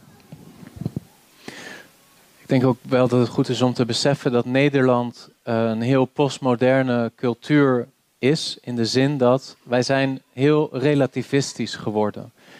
De, de algemene geest in Nederland is: iedereen mag zijn mening hebben. Maar ga niet iemand anders vertellen dat jij de waarheid hebt. Want als jij dat zegt, dan ga je een grens over. En dat is een relativistisch wereldbeeld. Waarin eigenlijk er niet meer zoiets mag zijn als absolute waarheid. En dat is een fundamenteel conflicterend wereldbeeld met Jezus. Jezus zegt: Ik ben de waarheid. Ik denk dat wat een groot probleem is in Nederland, is dat veel christenen ehm, meegegaan zijn, zeg maar als geheel, in het postmodern wereldbeeld door te zeggen: Goed, wij geloven als kerk dit. Maar goed, wij beseffen ook wel dat de rest van de samenleving daar anders over denkt. En we willen ook niet nou, jullie te veel in de weg zitten, zeg maar. Dat, dat is niet acceptabel voor God. Wij hebben een boodschap en die boodschap is de waarheid. Jezus zegt, ik ben de weg, de waarheid en het leven. Niemand komt tot de Vader dan door mij. Ehm, ik denk dat in Nederland dat mensen heel erg de behoefte hebben aan die boodschap. Aan mensen die naar hen toe komen en zeggen, er is een waarheid. En dat is Jezus. Maar dat heel veel christenen toch een beetje, ook door die cultuur waarin wij leven, misleid zijn geraakt te denken dat dat niet liefdevol meer is om dat te zeggen. Dat het eigenlijk, wanneer wij aanstootgevend zijn, dat we dan niet liefdevol meer zijn en dat we dus geen goed getuigenis zijn voor Jezus op het moment dat we staan voor zijn waarheid. Ik denk ook dat dat raakt een beetje aan dat stukje van apologetiek. Want apologetiek is, en dat is de reden waarom ik presuppositionele apologetiek beoefen en uitdraag, is omdat presuppositionele apologetiek begint bij Gods woord als absolute waarheid en als beginpunt voor wijsheid en waarheid. De Bijbel is niet de conclusie van het menselijk redeneren. Nee, het menselijk redeneren is alleen maar mogelijk omdat de Bijbel waar is. Zie je, dat is, dat, en dat is, dat is waar ik in mijn apologetische ehm, ja, methodiek eigenlijk mee bezig ben. Waarom, ja, waarom abonneren mensen zich op mijn YouTube-kanaal? Dat weet ik niet zo heel erg goed, maar ik heb daar wel wat ideeën over. Ik denk sowieso omdat mensen eigenlijk wel heel graag willen dat christenen gewoon een duidelijke boodschap verkondigen. En dat ik probeer op mijn YouTube-kanaal gewoon een onderwerp te pakken en daar ehm, het licht van de Bijbel op te laten schijnen, zonder al te bang te zijn voor wat mensen daarvan vinden. Ehm, ja, heb ik tips aan mensen? Ik denk niet, kijk, ik denk persoonlijk van, eh, er is niet in de Bijbel heel duidelijk een roeping voor apologeet. Dus je, daar waar je het wel hebt over evangelisten of ouderlingen of ehm, ehm, herders in de gemeente, zo'n soort bediening zie je niet in het Nieuw Testament voor een apologeet. Ik denk dat je in de kern als christen geroepen bent om de waarheid lief te hebben. Om de waarheid zodanig lief te hebben dat nou ja, jouw liefde voor de waarheid en jouw liefde voor Jezus eigenlijk ehm, iets is wat andere mensen ook kunnen proeven. Ja, en we leven dan toevallig in een tijd waarin op internet en YouTube uh, ja, er een soort dynamiek ontstaat dat, dat dat op die manier gebeurt. Ik ben gewoon een ezel. Zo zie ik mezelf. Ik ben gewoon een ezel. Net als de ezel die Jezus droeg toen hij naar binnen ging in Jeruzalem. En op het moment dat er dan heel veel mensen klappen, dan klappen ze niet voor de ezel, maar dan klappen ze voor Jezus, die op de ezel zit. Zo zie ik mezelf. Ik ben gewoon een ezel. Ja? Ehm, je kan een YouTube-kanaal starten en je kan in een, nou, in een paar weken tijd kun je heel veel mensen hebben die zich abonneren en die likes geven. En, en we leven in zo'n tijd hè, dat iedereen zo op social media, het is niet alleen mijn YouTube-kanaal, maar je gaat jezelf bijna beoordelen aan de hand van hoeveel likes je krijgt of hoeveel comments mensen schrijven, wat ze allemaal over je zeggen. Ik denk, eh, het doet er allemaal niet toe. Ik ben de ezel en ik probeer Jezus te verkondigen. Dat is, dat is mijn roeping. En soms maak ik daar fouten in en soms door Gods genade lukt dat goed. Maar wat er ook gebeurt, ik ben en ik blijf de ezel die Jezus heeft gekozen om soms op rond te rijden. En meer ben ik niet. Uh, mijn vraag is waar de grens eigenlijk ligt. Want ik denk niet dat er iets mis is met gewoon hulp krijgen van, een, uh, van iemand die bijvoorbeeld verstand heeft van uh, waar je last van hebt. Maar waar ligt dan de grens? Ja, nee, ik, ik snap je vraag. De grens ligt bij op het moment dat iemand jou adviezen geeft of dingen vraagt te doen die ingaan tegen een christelijk geweten. En dan bedoel ik met christelijk geweten dat wat de Bijbel ons leert. Daar ligt een grens op een gegeven moment. Dus op het moment dat iemand zegt van, ehm, ja, hoe kunnen we op een goed voorbeeld komen? Stel dat er bepaalde zonde is in je leven en de psycholoog zegt tegen jou, je moet accepteren dat die zonde er is, want anders dan blijf je zo depressief als je nu bent dan gaat dat in tegen een christelijk geweten. Op het moment dat je eigenlijk worstelt met een bepaald soort problematiek, zoals somberheid, en tegelijkertijd is er zonde in je leven, en de psycholoog, en dat is niet het soort zonde waar discussie over bestaat, maar gewoon de Bijbel zegt dit, jij leeft in die zonde, de psycholoog zegt ja, je moet dat gewoon accepteren van jezelf, want uh, laten we er niet te moeilijk over doen, want je zit jezelf alleen maar in de weg, want nu word je ook nog depressief. Zegt accepteer die zonde in je leven. Dan gaat dat lijnrecht in tegen wat de Bijbel zegt. En dat is een voorbeeld van zo'n grens. Ehm, over het algemeen doen goede psychologen dat niet. Alleen slechte psychologen zouden zoiets doen. Maar er zijn ook slechte psychologen. Dus op het moment dat een psycholoog jou vraagt om iets te doen wat ingaat tegen jouw geweten en jij zegt tegen die psycholoog dat gaat in tegen mijn geweten, dan moet die psycholoog of jou verwijzen naar een collega die jouw wereldbeeld eh, kent.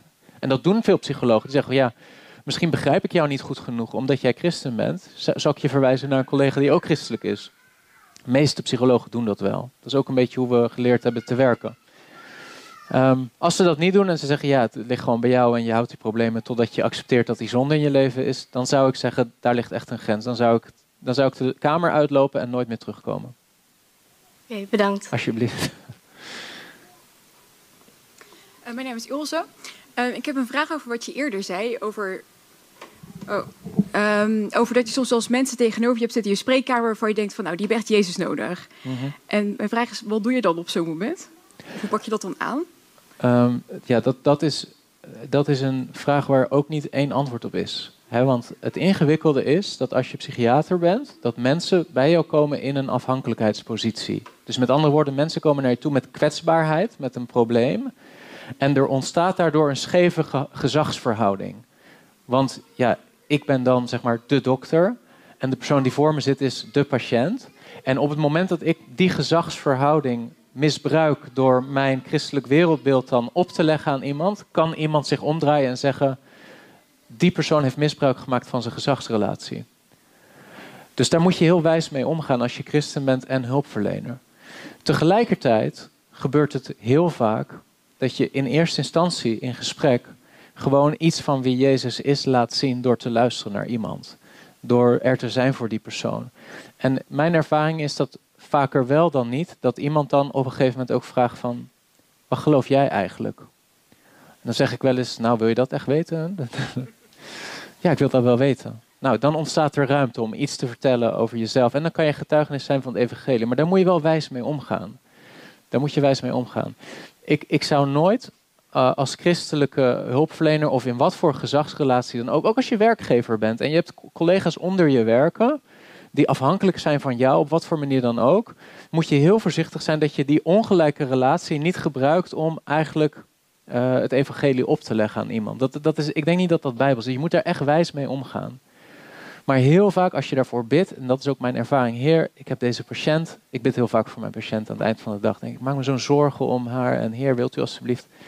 En, en weet je, dan, het gebeurt ook soms gewoon wel eens dat iemand me vertelt van ja, ik denk erover, ik wil niet meer leven of zo. Hè? En dan moet ik soort van een oordeel vellen van hoe veilig is het nu nog, zeg maar. Hoe groot is de kans dat iemand echt iets gevaarlijks gaat doen. En soms ben ik ook als psychiater gewoon, dat ik denk van, Heer, ik weet het gewoon niet zo goed. Hoe zou het gaan met die persoon? En aan het eind van de dag ga ik naar de Heer en zeg ik, Heer, u kent die persoon, bescherm die persoon alstublieft.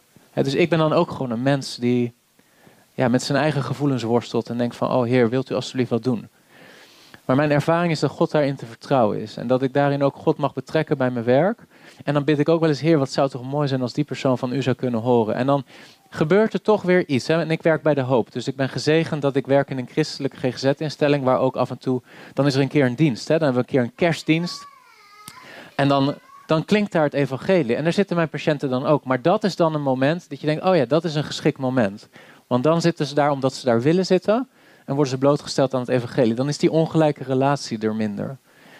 Meestal opent God de deuren dan op, op, op de juiste momenten, op de juiste manieren om toch het getuigenis van het evangelie te geven. Maar weet je, wat ook wel een beetje is bij mij, dat is tegenwoordig een beetje het probleem. Ja, je patiënten gaan allemaal jou googelen, zeg maar dus ja, ik hoef niet per se meer expliciet het evangelie te prediken. Want meestal dan zijn ze bij mij geweest. En dan gaan ze zo, Chris vragen. hey, ik, zie, ik zie zijn foto. En dan gaan ze luisteren naar iets. En dan, ja, ik heb je boodschap op YouTube beluisterd. Dan denk ik, oh ja, nou goed. Ik hoop dan maar dat dat zinvol is geweest voor je. Misschien hebben ze een like gegeven. Dat kan, ja. Dat kan. Oh, ja.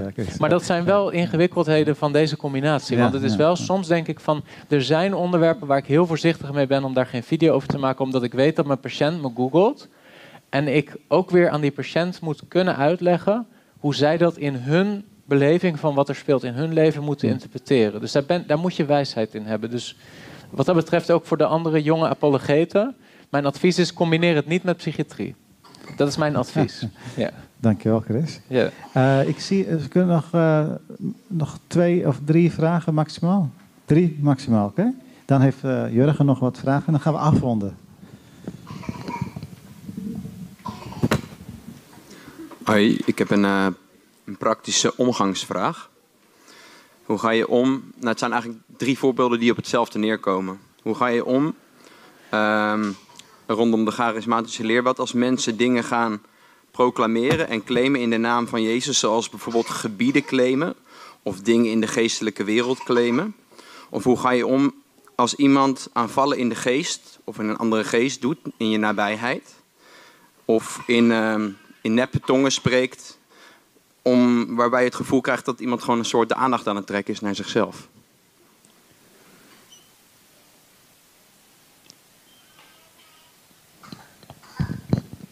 Ja, ik denk uh, ook dat je straks ook nog uh, gaat antwoorden. Uh, maar ik denk dat het antwoord net al een beetje is gegeven. Dat, ik denk dat het antwoord net al een beetje is gegeven. Door tussen de wandelgangen door. dat, dat dat niet direct betekent in eerste instantie dat iemand niet wedergeboren is. Dus, maar ik zou wel op dat moment misschien iemand heel rustig meenemen. En ja, hem eh, op een rustige manier de vraag stellen uh, hoe het komt dat hij zo denkt of hoe het komt dat hij dat doet. En uh, vanuit welke bijbelse grond hij dat zou kunnen doen. Maar ik denk dat we wel heel voorzichtig daarmee moeten zijn. als christenen zijn we heel vaak geneigd om ons snel af te zetten tegen iets wat niet past in ons wereldbeeld of iets wat niet past in onze theologie. en soms is het gewoon belangrijk dat we meerdere gesprekken hebben over deze thema's met die persoon. Zodat hij ook de gelegenheid krijgt en de tijd krijgt om echt uh, ja, erover na te denken en een ander beeld uh, te vormen. Uh, dus ik zou in ieder geval iemand niet te snel afwijzen. We hebben ook heel wat goede vrienden, ik denk Chris en ik, samen, die ook wel bijvoorbeeld in tongen spreken, waarvan wij denken van hé, hey, dat is nep tongen. Maar als ik naar hun levens kijk, dan eh, zou ik echt wel eh, heel graag ook zo willen leven. Dus dat eh, vooral niet afschrijven, maar wel rustig praten over ja, waarom iemand dat doet. En tegelijkertijd ook het verlangen hebben, ondanks dat je misschien verschillen ziet, ondanks dat het niet helemaal klopt met wat wij geloven, dat de verbinding eh, altijd moet zijn dat hij ook in Jezus Christus gelooft, of zij ook in Jezus Christus gelooft. En daardoor kunnen we ook ons eigen hart toetsen. Kunnen wij met mensen omgaan die op een andere manier denken? Ik denk dat dat wel de kern is hoor. Zeg maar, kijk, je kunt, je kunt natuurlijk wel met elkaar praten over dingen als val in de geest, dronken in de geest, spreken in tongen. Zijn interessante dingen om over na te denken met elkaar. Maar uiteindelijk, als je te maken hebt met mensen om je heen, is dat ook maar een aspect van hun leven. En uiteindelijk is dat helemaal niet het belangrijkste aspect vaak van hun leven. En is dat ook helemaal niet, niet hetgene waar misschien jij toe geroepen bent op dat moment om daarmee bezig te zijn. Het grotere wij moeten altijd proberen als christen het grote plaatje vast te houden. En uiteindelijk is het grote plaatje dat je die mensen ook gewoon lief hebt.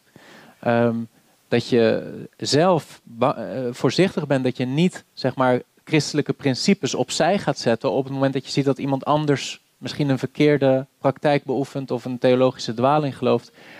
Ehm, je kan heel makkelijk dan mensen gaan oordelen. Maar daar moet je ook echt voor waken. Want als je dat gaat doen, kan het ook zomaar zijn dat je in een soort fariseïsche ehm, leefstijl terechtkomt. Hè?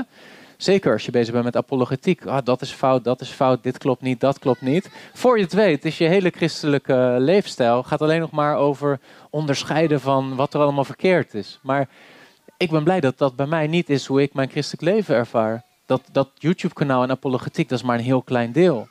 Hè, waar, waar ben ik mee bezig? Met de gemeente. Ik, ik ben heel blij dat ik mag dienen als ouderling in een lokale gemeente. En daar heb je gewoon met mensen te maken. En daar, ja, daar speelt er wel eens iets met dat in tongen. Maar meestal heb je gewoon te maken met mensen. En, en die mag je helpen om te groeien in Christus. En die helpen jou om te groeien in Christus. En die, die confronteren jou met alle dingen waarin jij tekort schiet, zeg maar. En dat samen groeien in het lichaam van Christus, ik vond dat wel mooi. En dat is ook het gevaar van zo'n bediening zoals apologetiek met YouTube en zo. Kijk, veel mensen weten dat niet. Maar voor mij is dat echt maar een, een, een klein deel van mijn geestelijk leven. Waar het mij veel meer om gaat is de lokale gemeente, mijn eigen gezin. En eh, groeien eh, als christen in die levensterreinen. En ja, zo'n YouTube-kanaal, ik ben echt bezorgd voor mensen die alleen maar met dat soort dingen bezig zijn. Ik denk dat je daar heel snel heel bitter van wordt. Dat je ook een hele grote blinde vlek gaat ontwikkelen voor je eigen fouten en zo. Eh, dat, dat is minder het risico als je ook dient als ouderling in een gemeente. Want ja, eh, Jurgen zou een video kunnen maken over wat er mis is met spreken in tongen. Maar vervolgens heeft hij een week later te maken met mensen waar hij van houdt in de gemeente, die hiermee worstelen. En dan heeft hij een andere toon nodig om met die mensen te praten. En dan gaat het ook niet alleen daarover, gaat het ook over hele andere dingen. Dus ja, wat moet je ermee? Soms hoef je er helemaal niks mee. Hè, denk je van, ja goed, eh, als jij af en toe valt en eh, spreekt zo. Ja, ik heb er niet zoveel last van. Hè? Dus ja, toch? Ik heb er meestal niet zoveel last van. vraag erop. Ehm, nou, ik weet niet of iemand het wel eens meegemaakt heeft dat iemand naast hem begint te rollen, zeg maar. Maar op zo'n moment, even praktisch, ja, je kan met iemand gaan praten, maar dat lukt op dat moment niet. Ehm, ja, heb je het wel eens meegemaakt en wat heb je gedaan? Of hoe zou je daarmee omgaan? Eh, nou ja, goed, als iemand soms gaat rollen, hoeft niet te zijn dat hij is gevallen in de geest. Hè. Dat kan ook gewoon een epileptische aanval zijn. Het kan zijn dat iemand flauw is gevallen. Dus je moet in eerste instantie als arts ben je altijd getraind om te denken van... is de ademhaling stabiel? Ademt iemand? Is eh pols? Eh, dus dat noemen ze de ABC-methode. Airway, breathing, circulation. Dat soort dingen. Nou goed, als je dan denkt, nee, ik zit nu in een context waar dit vaker gebeurt in een charismatische kerk en daar valt iedereen op de grond, dan kan je ook afvragen, waarom ben ik hier eigenlijk? Hè? Hoe ben ik hier terechtgekomen?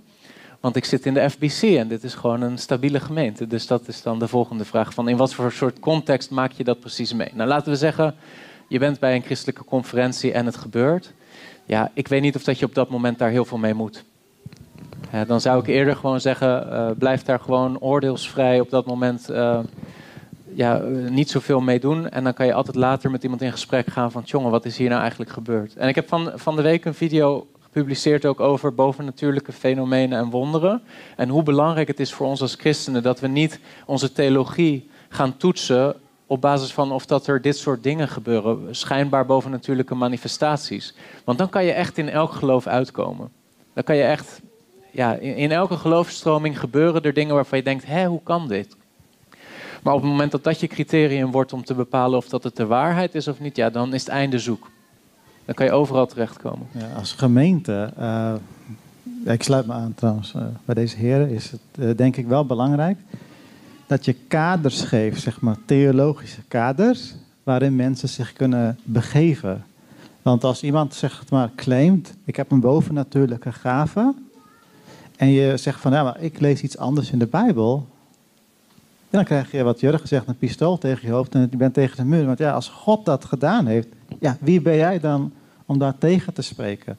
Dus wat je ook ziet is dat in gemeentes waar dit plaatsvindt, ontstaan na twee, drie jaar scheuringen.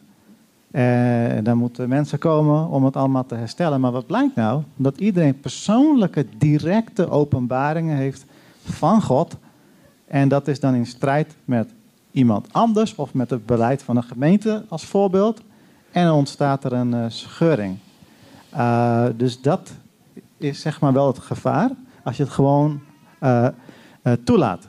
Dus de heldere kaders zijn denk ik belangrijk. En dan met alle liefde, alle geduld oppassen dat je niet hoogmoedig wordt, dat jij denkt dat je het waar, de waarheid hebt en de ander niet. Daar moet je voor oppassen. Wees altijd bereid om de minste te zijn, maar wel die heldere theologische kaders uh, uitleggen, zeg maar.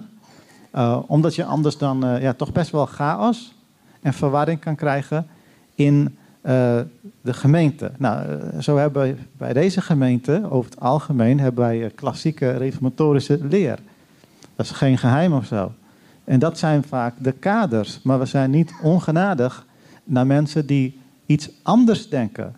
Maar als je dat niet uitlegt, en men gaat misschien door hun persoonlijke, directe openbaring van God iets doen of zo, ik zeg maar wat, of iets zeggen. Ja, dan moet je uiteindelijk open en transparant zeggen: oké, maar kunnen we jij wel onderwijzen? En is het dan wel fair dat je in een gemeente zit die daar ja, toch anders over uh, denkt? Dat is even vanuit de praktijk om die vraag uh, te beantwoorden. Um, ja, wat denk ik wel belangrijk belangrijk is, ja. Oké, um, de laatste vraag dan. En dan gaan we kort antwoorden. Dan gaan we... Nou, het is ook niet echt een vraag waar je echt gelijk antwoord op kan geven. Je hebt ooit eens beloofd een filmpje te maken over de zevende dag Adventisten. Heb je die gemaakt? Ik dacht het niet. Nee, ik heb geen video specifiek over zevende dag Adventisten. Ik heb wel een video over de Sabbat. En dat is wel ergens natuurlijk het grootste hete hangijzer van zevende Adventisten. Dus ik zou zeggen ja en nee, zeg maar. Ja, die heb ik gezien. Maar... Ja. Maar ja, goed, zevende Adventisten, daar zitten allerlei aspecten aan. Hè, met Ellen G. White en zo. En um, ja, ook visie die zij hebben op dieet en zo. Ik, ik wil daar nog best wel een keer een video over maken. Nou, graag. Uh, heb je veel te maken met zevende Adventisten? Of? Tijdens de corona waren we vanuit mijn oude gemeente allemaal een beetje zoekende. Oh, en al mijn vrienden hebben ja, wat wegen gekozen. Een van mijn vriendinnen heeft zich helemaal vastgebeten in de zevende dag Adventisten. En het zit vrij sterk in elkaar. En ik sta met een mond vol tanden. Ah, ja. Dus ik was benieuwd naar jouw visie verder. Oké, ik, zal, eh, ik zal er nog eens eh, over bidden om een video te maken daarover. Ja. Oké, dankjewel.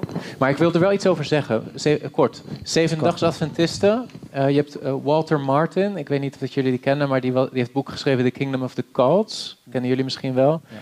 Die, die heeft berucht veel moeite gehad om een goede beschrijving van de Zevendags Adventisten te maken. Die heeft daar echt jaren over gedaan.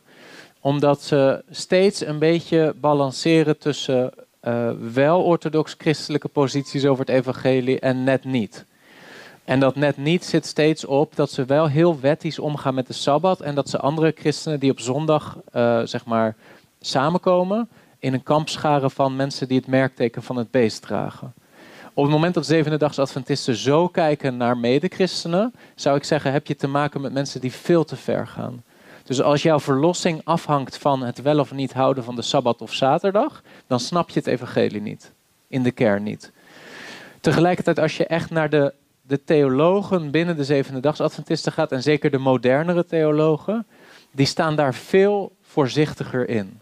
Die zullen veel eerder zeggen van ja, goed, dat kan je wel zo lezen in de geschriften van Ellen G. White, maar zo staan we daar als kerk niet helemaal in. En hè, wij accepteren ook. En dan gaan ze op een gegeven moment wat meer de sabbat maken tot een soort, ja, uh, weet je, de sabbat houden op zaterdag is bijbelser dan op zondag. Maar als je dat anders ziet, is het ook niet zo'n ramp. Denk ik, ja, dan heb je wel te maken met een heel ander soort zevende dags Adventist. Dan degene die zegt, het is het merkteken van het beest als je op zondag samenkomt. En dat, dat is moeilijk om die nuance goed in een um, video te, te leggen. Maar dan zou je eigenlijk de boeken van Ellen G. White moeten gaan analyseren. Zoiets. Dat we met een vragende houding echt iets gaan zeggen. Nou, ik heb drie vragen uh, voor broeder Chris. De eerste vraag is, uh, broeder Chris, uh, wij hebben wat mensen waarin, waarbij ADD is geconstateerd. Wanneer is het nou goed om medicatie te gebruiken en wanneer zou je het afwijzen? We hebben natuurlijk in het verleden hebben we vaak gehoord dat medicijnen als Ritalin niet altijd heel goed zijn. Hoe zou je hoe kijk je daar tegenaan? Oké, dus ADHD, daar hebben we het dan over. Hè? Dus dat, is, dat staat voor Attention Deficit Hyperactivity Disorder, ADHD. Het gaat om, is eigenlijk een diagnose die is ontstaan omdat bepaalde jongens, jongetjes op de basisschool eigenlijk niet goed aan leren toekwamen, omdat ze te bewegelijk waren, te slecht konden concentreren op de lesstof en te impulsief waren. Het is, um, het is onder de psychiatrische diagnoses een wat controversiëlere diagnose.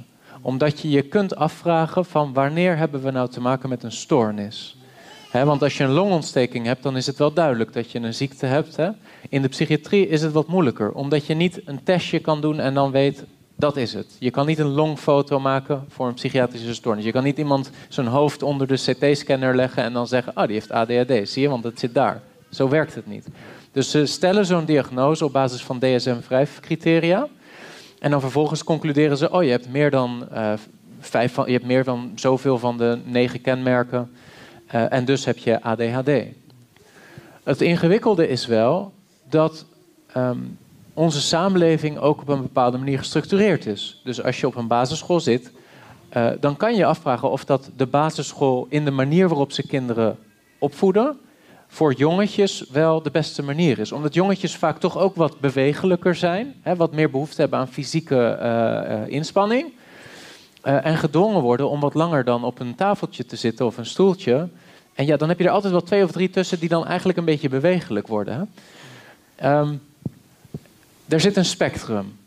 En ergens aan het eind van dat spectrum zit er wel een groep kinderen die echt lijden aan een stoornis. Dat geloof ik. Die echt gewoon niet kunnen concentreren, die niet eh, goed kunnen eh, stilzitten en die daardoor vastlopen in hun leven. En die daardoor ook meer risico hebben om op een gegeven moment verslaafd te raken aan drugs of alcohol.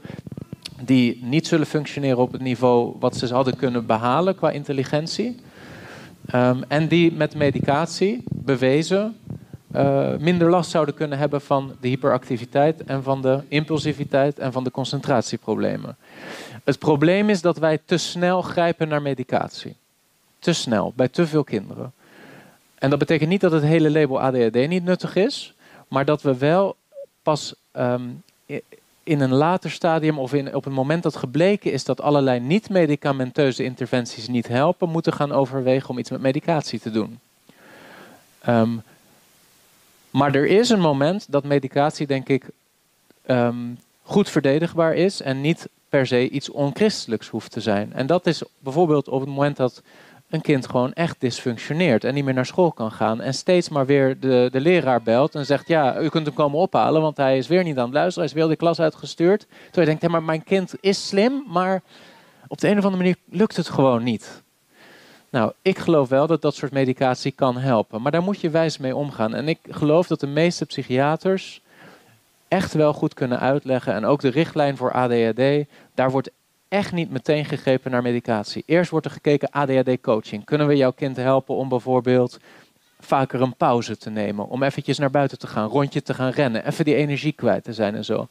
Er zijn allemaal van dat soort trucjes die je kunt doen voordat je uitkomt bij medicatie. Maar als al die trucjes niet helpen en je toch te maken hebt met een kind wat op een gegeven moment vastloopt, dan zou ik zeggen, is het goed om te proberen te kijken of dat medicatie helpt. Medicatie heeft voor- en nadelen. Die moet je afwegen met je arts of dat dat tegenover elkaar staat. En, ehm, maar ik denk in de kern dat er niks mis is met medicatie. En ik denk dat uh, hè, christenen hebben wel vaker de vraag: oké, is dat dan niet een motie van wantrouwen richting God als ik medicatie ga voorschrijven of gebruiken? Maar ik denk dat God middelen heeft gegeven die wij mogen gebruiken. Ehm, net zoals voedsel, net zoals Paulus die tegen Timotheus zei: neem af en toe wat wijn voor uw veel voorkomende maagkwalen. Uh, dat, dat we op die manier ook soms medicatie mogen inzetten. Maar eh, medicatie bij ADHD, dat zijn wel stimulantia. En dat zijn middelen die ook misbruikt kunnen worden. En daar moet je ook wel weer alert voor zijn. Okay, dank u wel. Dus niet, uh, niet zelf gaan gebruiken, Jurgen. Dat... Nee. Nee, ja, ik, ik, ik wil nog wel verder, maar okay. het is goed zo. Ik heb toch twee uh, belangrijke vragen die echt heel belangrijk zijn. Uh, voor, voor mij in ieder geval. Hoe, wanneer. Oké, okay, laat me de andere vraag stellen. de vijfvoudige bediening, hoe, hoe zit dat precies? Ja, goed, ik heb daar wel een video over gemaakt. Hè? Dus de, de vijfvoudige bediening is eigenlijk volgens mij een viervoudige bediening. Okay. als je goed die schriftgedeelte erbij pakt. Um, want dan gaat het om herders en leraren. Dat zijn dan de laatste twee in de vijfvoudige bediening. Maar herders en leraren worden daar Grieks grammaticaal eigenlijk gebruikt voor synoniemen voor dezelfde groep. Ouderlingen van een gemeente. Herders, leraren zijn termen die in het Nieuwe Testament synoniem gebruikt worden. Maar het gaat dan eerder over apostelen, profeten, evangelisten. Hè? Dat is dan, uh, en de vraag is vaak, zijn apostelen en profeten nog voor vandaag de dag? Nou, ik ben daarin cessationist. Dus dat wil zeggen, ik geloof niet dat apostelen en profeten zoals Paulus die in de eerste eeuw uh, uh, nou ja, kon benoemen, uh, vandaag de dag nog steeds op dezelfde manier aanwezig zijn. Um, en verder, ja, denk ik, kunnen we wel met elkaar daar een vrij uitgebreid en lang gesprek over hebben waarom en wat voor aanwijzingen daarvoor zijn in het Nieuwe Testament. Alleen, um, kijk, weet je, het wordt op een gegeven moment ook een beetje een semantische kwestie. Want ik geloof bijvoorbeeld wel dat zendelingen voor vandaag zijn. Maar ja, dan zijn er mensen die zeggen, ja, Chris, een apostel, dat is gewoon een Grieks woord voor zendeling. Ja, dat klopt. Dat is ook zo. Dus in die zin kan je zeggen, ja, er zijn wel apostelen vandaag de dag. Is die, is die evangelist dan, uh, is dat de zendeling van vandaag? Ja, het, het, is voor, het is niet altijd even duidelijk wat het verschil is tussen een evangelist en een zendeling. Dus ik ben geneigd om dat wel zo te zien. Um, ja. Ik ben geneigd om dat wel zo te zien. Om te zeggen, volgens mij hebben wij gewoon puur praktisch kijken naar de situatie waarin wij onszelf vinden. Hebben we de gemeente, die geleid wordt door ouderlingen. En hebben we de taak om naar buiten te gaan en het evangelie te prediken. En als het goed is, komen daardoor mensen bij de gemeente. En dus zie ik twee hele belangrijke bedieningen. Namelijk de evangelist, hè, of zendeling, die naar buiten gaat. En de ouderling, herder, die de gemeente leidt, die waar we het vandaag ook over hadden. Een groep mensen die de rots, de steen weghaalt zodat het licht naar binnen gaat schijnen. En de groep mensen die helpt om die doodskleren eraf te halen. Dat zijn de twee bedieningen waarvan ik gewoon heel praktisch zie. Die heeft de gemeente vandaag de dag nodig. Uh, misschien uh, interessant. Uh, we gaan nog een serie houden, Theology of the Church, vanaf september. Dan gaan we nog uitgebreid uh, hierover praten. Maar wat ik wel kan zeggen is...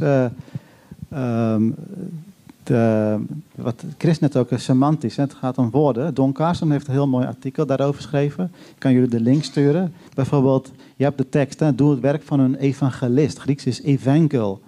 En men leest daar automatisch in het ambt van een evangelist. Een office, zeg maar. Maar je kan het ook interpreteren als evangelistisch werk. Um, dus, uh, maar we, maar omdat als, je, als je de Bijbel interpreteert vanuit de vijfvoudige bediening, dan zie je daar automatisch een bediening uit. Uh, de historisch-reformatorische kijk hierop is dat je hebt te maken met extraordinary officers en ordinary officers. Dus speciale bediening en niet speciale bediening. En, uh, wat, en de, wat dat eigenlijk inhoudt is dat de apostelen en de profeten, die zijn zeg maar seized, cessation. En, maar ook de evangelist. Waarom? Omdat de evangelisten in het Nieuwe Testament gekoppeld waren als het ware als apostolische assistenten die ook miraculeuze gaven hadden. Dus uh, Calvijn heeft hier ook een reactie op dat uh, Dat, dat eh, God wel bij machten is zeg maar, om die, eh, ja, dit terug te laten herrijzen. Zeg maar. maar ik geloof niet dat hij daarmee bedoelt precies als de apostelen, maar wel een bepaalde eh, eh, eh, ja, eh, uitwerking. Eh, hij zag Luther volgens mij ook als een apostel, maar niet als de apostel.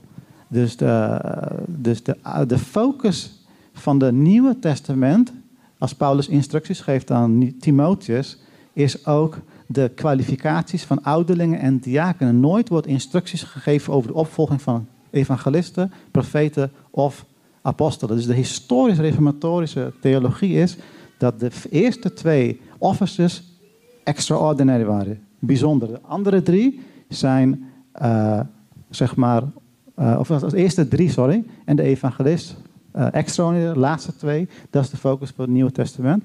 Ik geloof dat dat ook heel coherent is en consistent is aan de Bijbelse leer. Maar daar gaan we in september eh, uitgebreid over eh, praten. Eh, dus als je mij vraagt, eh, ja, dan kunnen we daar een andere keer over doorpraten. Want jij hebt nog een vraag. Nog één vraag. Dank u wel voor de uitleg. U ook trouwens. Laatste vraag. Ik weet niet wat God wil in mijn leven. Ik weet niet wat Gods wil is. Hoe kom ik nou aan Gods wil? Hoe weet ik nou wat Gods wil is? En bedoel je dan God wil op welk vlak precies, zeg maar? Hè? Uw heiliging, ja, je kan gewoon een Bijbelgedeelte erbij pakken. Uw heiliging, dat is Gods wil bijvoorbeeld. Hè? Maar de vraag is, wat bedoel je? Bedoel je, ik weet niet wat voor beroep ik moet kiezen. Ik weet niet met welke vrouw of man ik moet trouwen. eh, ik weet, Gods wil kan zoveel betekenen voor mensen. Hè? Dus Nou, eh, ik, ik weet niet op, eh, voor welke eh, eh, vrouw ik moet kiezen, bij wijze van spreken, als ik nog niet getrouwd zou zijn. Ja. Hoe, hoe zou ik dan Gods wil kunnen zien in mijn leven? als je zegt van, ik weet niet voor welke vrouw ik moet kiezen... dan klinkt het alsof er soort drie voor je in de rij staan. En dat je er een soort van één moet, één moet kiezen. Dat lijkt me een ingewikkelde situatie. Maar weet je, met, ik, ik geloof dat het met Gods wil... dat het heel vaak gewoon begint bij dagelijks toegewijd zijn aan God. Hem beter leren kennen. En ik geloof echt dat ook als het gaat om Gods wil... dat gewoon gericht zijn op het koninkrijk van God. Gewoon gericht zijn op in een gemeente zitten. Gericht zijn op Jezus beter leren kennen. Dat gaandeweg steeds duidelijker wordt wat Gods specifieke rol is voor jou in dat koninkrijk. Ik denk dat, zeg maar, ja, ik bedoel dat niet aanstootgevend, maar ik denk gewoon niet dat God het bedoeld heeft dat jij gewoon zeven dagen gaat bidden en vasten en dat God dan opeens soort van met een visioen komt van, nou dit is het dan, hè? Deze vrouw, dit beroep, dit. Nee, volgens mij is dat helemaal niet Gods wil, dat jij op die manier zijn wil eh, te horen krijgt, te verstaan krijgt. Ik geloof dat Gods wil is dat jij gewoon dagelijks simpel met Hem leeft. Dat je een relatie hebt met God, dat je Jezus beter leert kennen, dat je je verheugt in Hem, dat je je verblijdt in Hem. Heel vaak zit in zo'n vraag van Gods wil, zit ook heel erg van, wat wil God dat ik voor Hem doe? Nou, laat voorop staan, God heeft niks van jou nodig, helemaal niks. God heeft jou niet nodig. God is een gever. God heeft niks nodig van niemand. Dus wat, wat God wil is zichzelf aan jou laten zien. Ja, en alle dingen in jouw leven zijn uiteindelijk gericht op dat Hij zijn heerlijkheid aan jou openbaart. En dat zal Hij doen door omstandigheden heen, dat zal Hij doen door. Maar christen is soms in zo'n kramp van: wat moet ik doen voor God? Wat moet ik doen voor God? Nou, misschien begint het gewoon bij realiseren dat God jou niet nodig heeft. Ehm, en, en dat je mag verheugen in God. Je mag, je, je mag genieten van God. Je mag bezig zijn met wie Hij is en zijn grote liefde voor jou. En gaandeweg, terwijl je jezelf verliest in de heerlijkheid van wie Jezus is, wordt steeds duidelijker wat jouw taak is en hoe God jou wil gebruiken. En dat is een proces van elke dag. Het is niet dat God dat, pro- dat plan neerlegt voor de komende twintig jaar. Het is een proces van elke dag. Hè, je kan elke dag een ontmoeting hebben dat je achteraf denkt: ja, kennelijk was het Gods wil dat ik vandaag bij die autodealer zat. Ik had dat van de week nog. Ik zat bij een autodealer. Komt iemand naar me toe en zegt: hey, je bent die christelijke apologeet, toch? Jongen van 19. Ik zeg van ja, dat ben ik inderdaad. Ja, wat vond je van. eh, ik zei: eh, oh, heb je een video gekeken ervan? Ja, die van hypercalvinisme. Oh ja, wat vond je ervan? Ja, ik weet niet, ik zit zelf in zo'n traditionele kerk met dominees en zo. Ik, eh, je moet misschien een dominee leren kennen, dan zie je dat ze zo kwaad nog niet. Zo, zo zei hij dat ongeveer. Hè? Ik zei tegen hem, nee joh, maar het gaat helemaal niet om de dominees. Ik geloof ook echt wel dat die goede bedoelingen hebben. Maar het gaat om het idee dat mensen in die kerk zitten en niet eens zeker weten of dat ze gered zijn. Toen vroeg ik hem, hoe is dat met jou eigenlijk? Weet je wat hij zei tegen me? Misschien kijkt hij dit ook wel terug hoor, want hij heeft zich gejuwd. Groetjes. Maar eh, weet je, wat hij zei tegen me is: Ja, als ik vandaag zou sterven, zou ik naar de hel gaan. Ik zei: Nou, dat, dat is het probleem. Dat is het probleem. Ik denk, dat, was, dat is geen toeval. Dat God op zo'n moment maakt dat zo'n gesprek plaatsvindt. Hè? Ik zei ook, denk je dat het toeval is dat wij nu dit gesprek hebben? Ik zei, nee, dit heeft de Heer zo geleid. Dus, en dat, dat is Gods voorzienigheid. God, dat is geen bovennatuurlijk wonder, want het is allemaal natuurlijk, zou je kunnen zeggen. Maar het feit dat wij op dat moment dat gesprek hebben, is Gods voorzienigheid. Dat is provisie. En daardoor mocht ik tegen hem zeggen, weet je, misschien is, is de reden dat ik hier nu zit om jou dit te vertellen, is wel om, omdat God tegen jou wil zeggen, het is ook voor jou. Je moet het aannemen. Juist. Nou, dan weet je niet van de dag van tevoren dat dat Gods wil was. Dat je op die dag die ontmoeting zou hebben. Dus het wandelen met God is een dagelijks ontdekken van wat zijn wil is. Toch? Ja, maar eens. Hartelijk eh, bedankt, Chris. Jullie ook. En eh, ik hoop eh, dat jullie het een zegen hebben gevonden.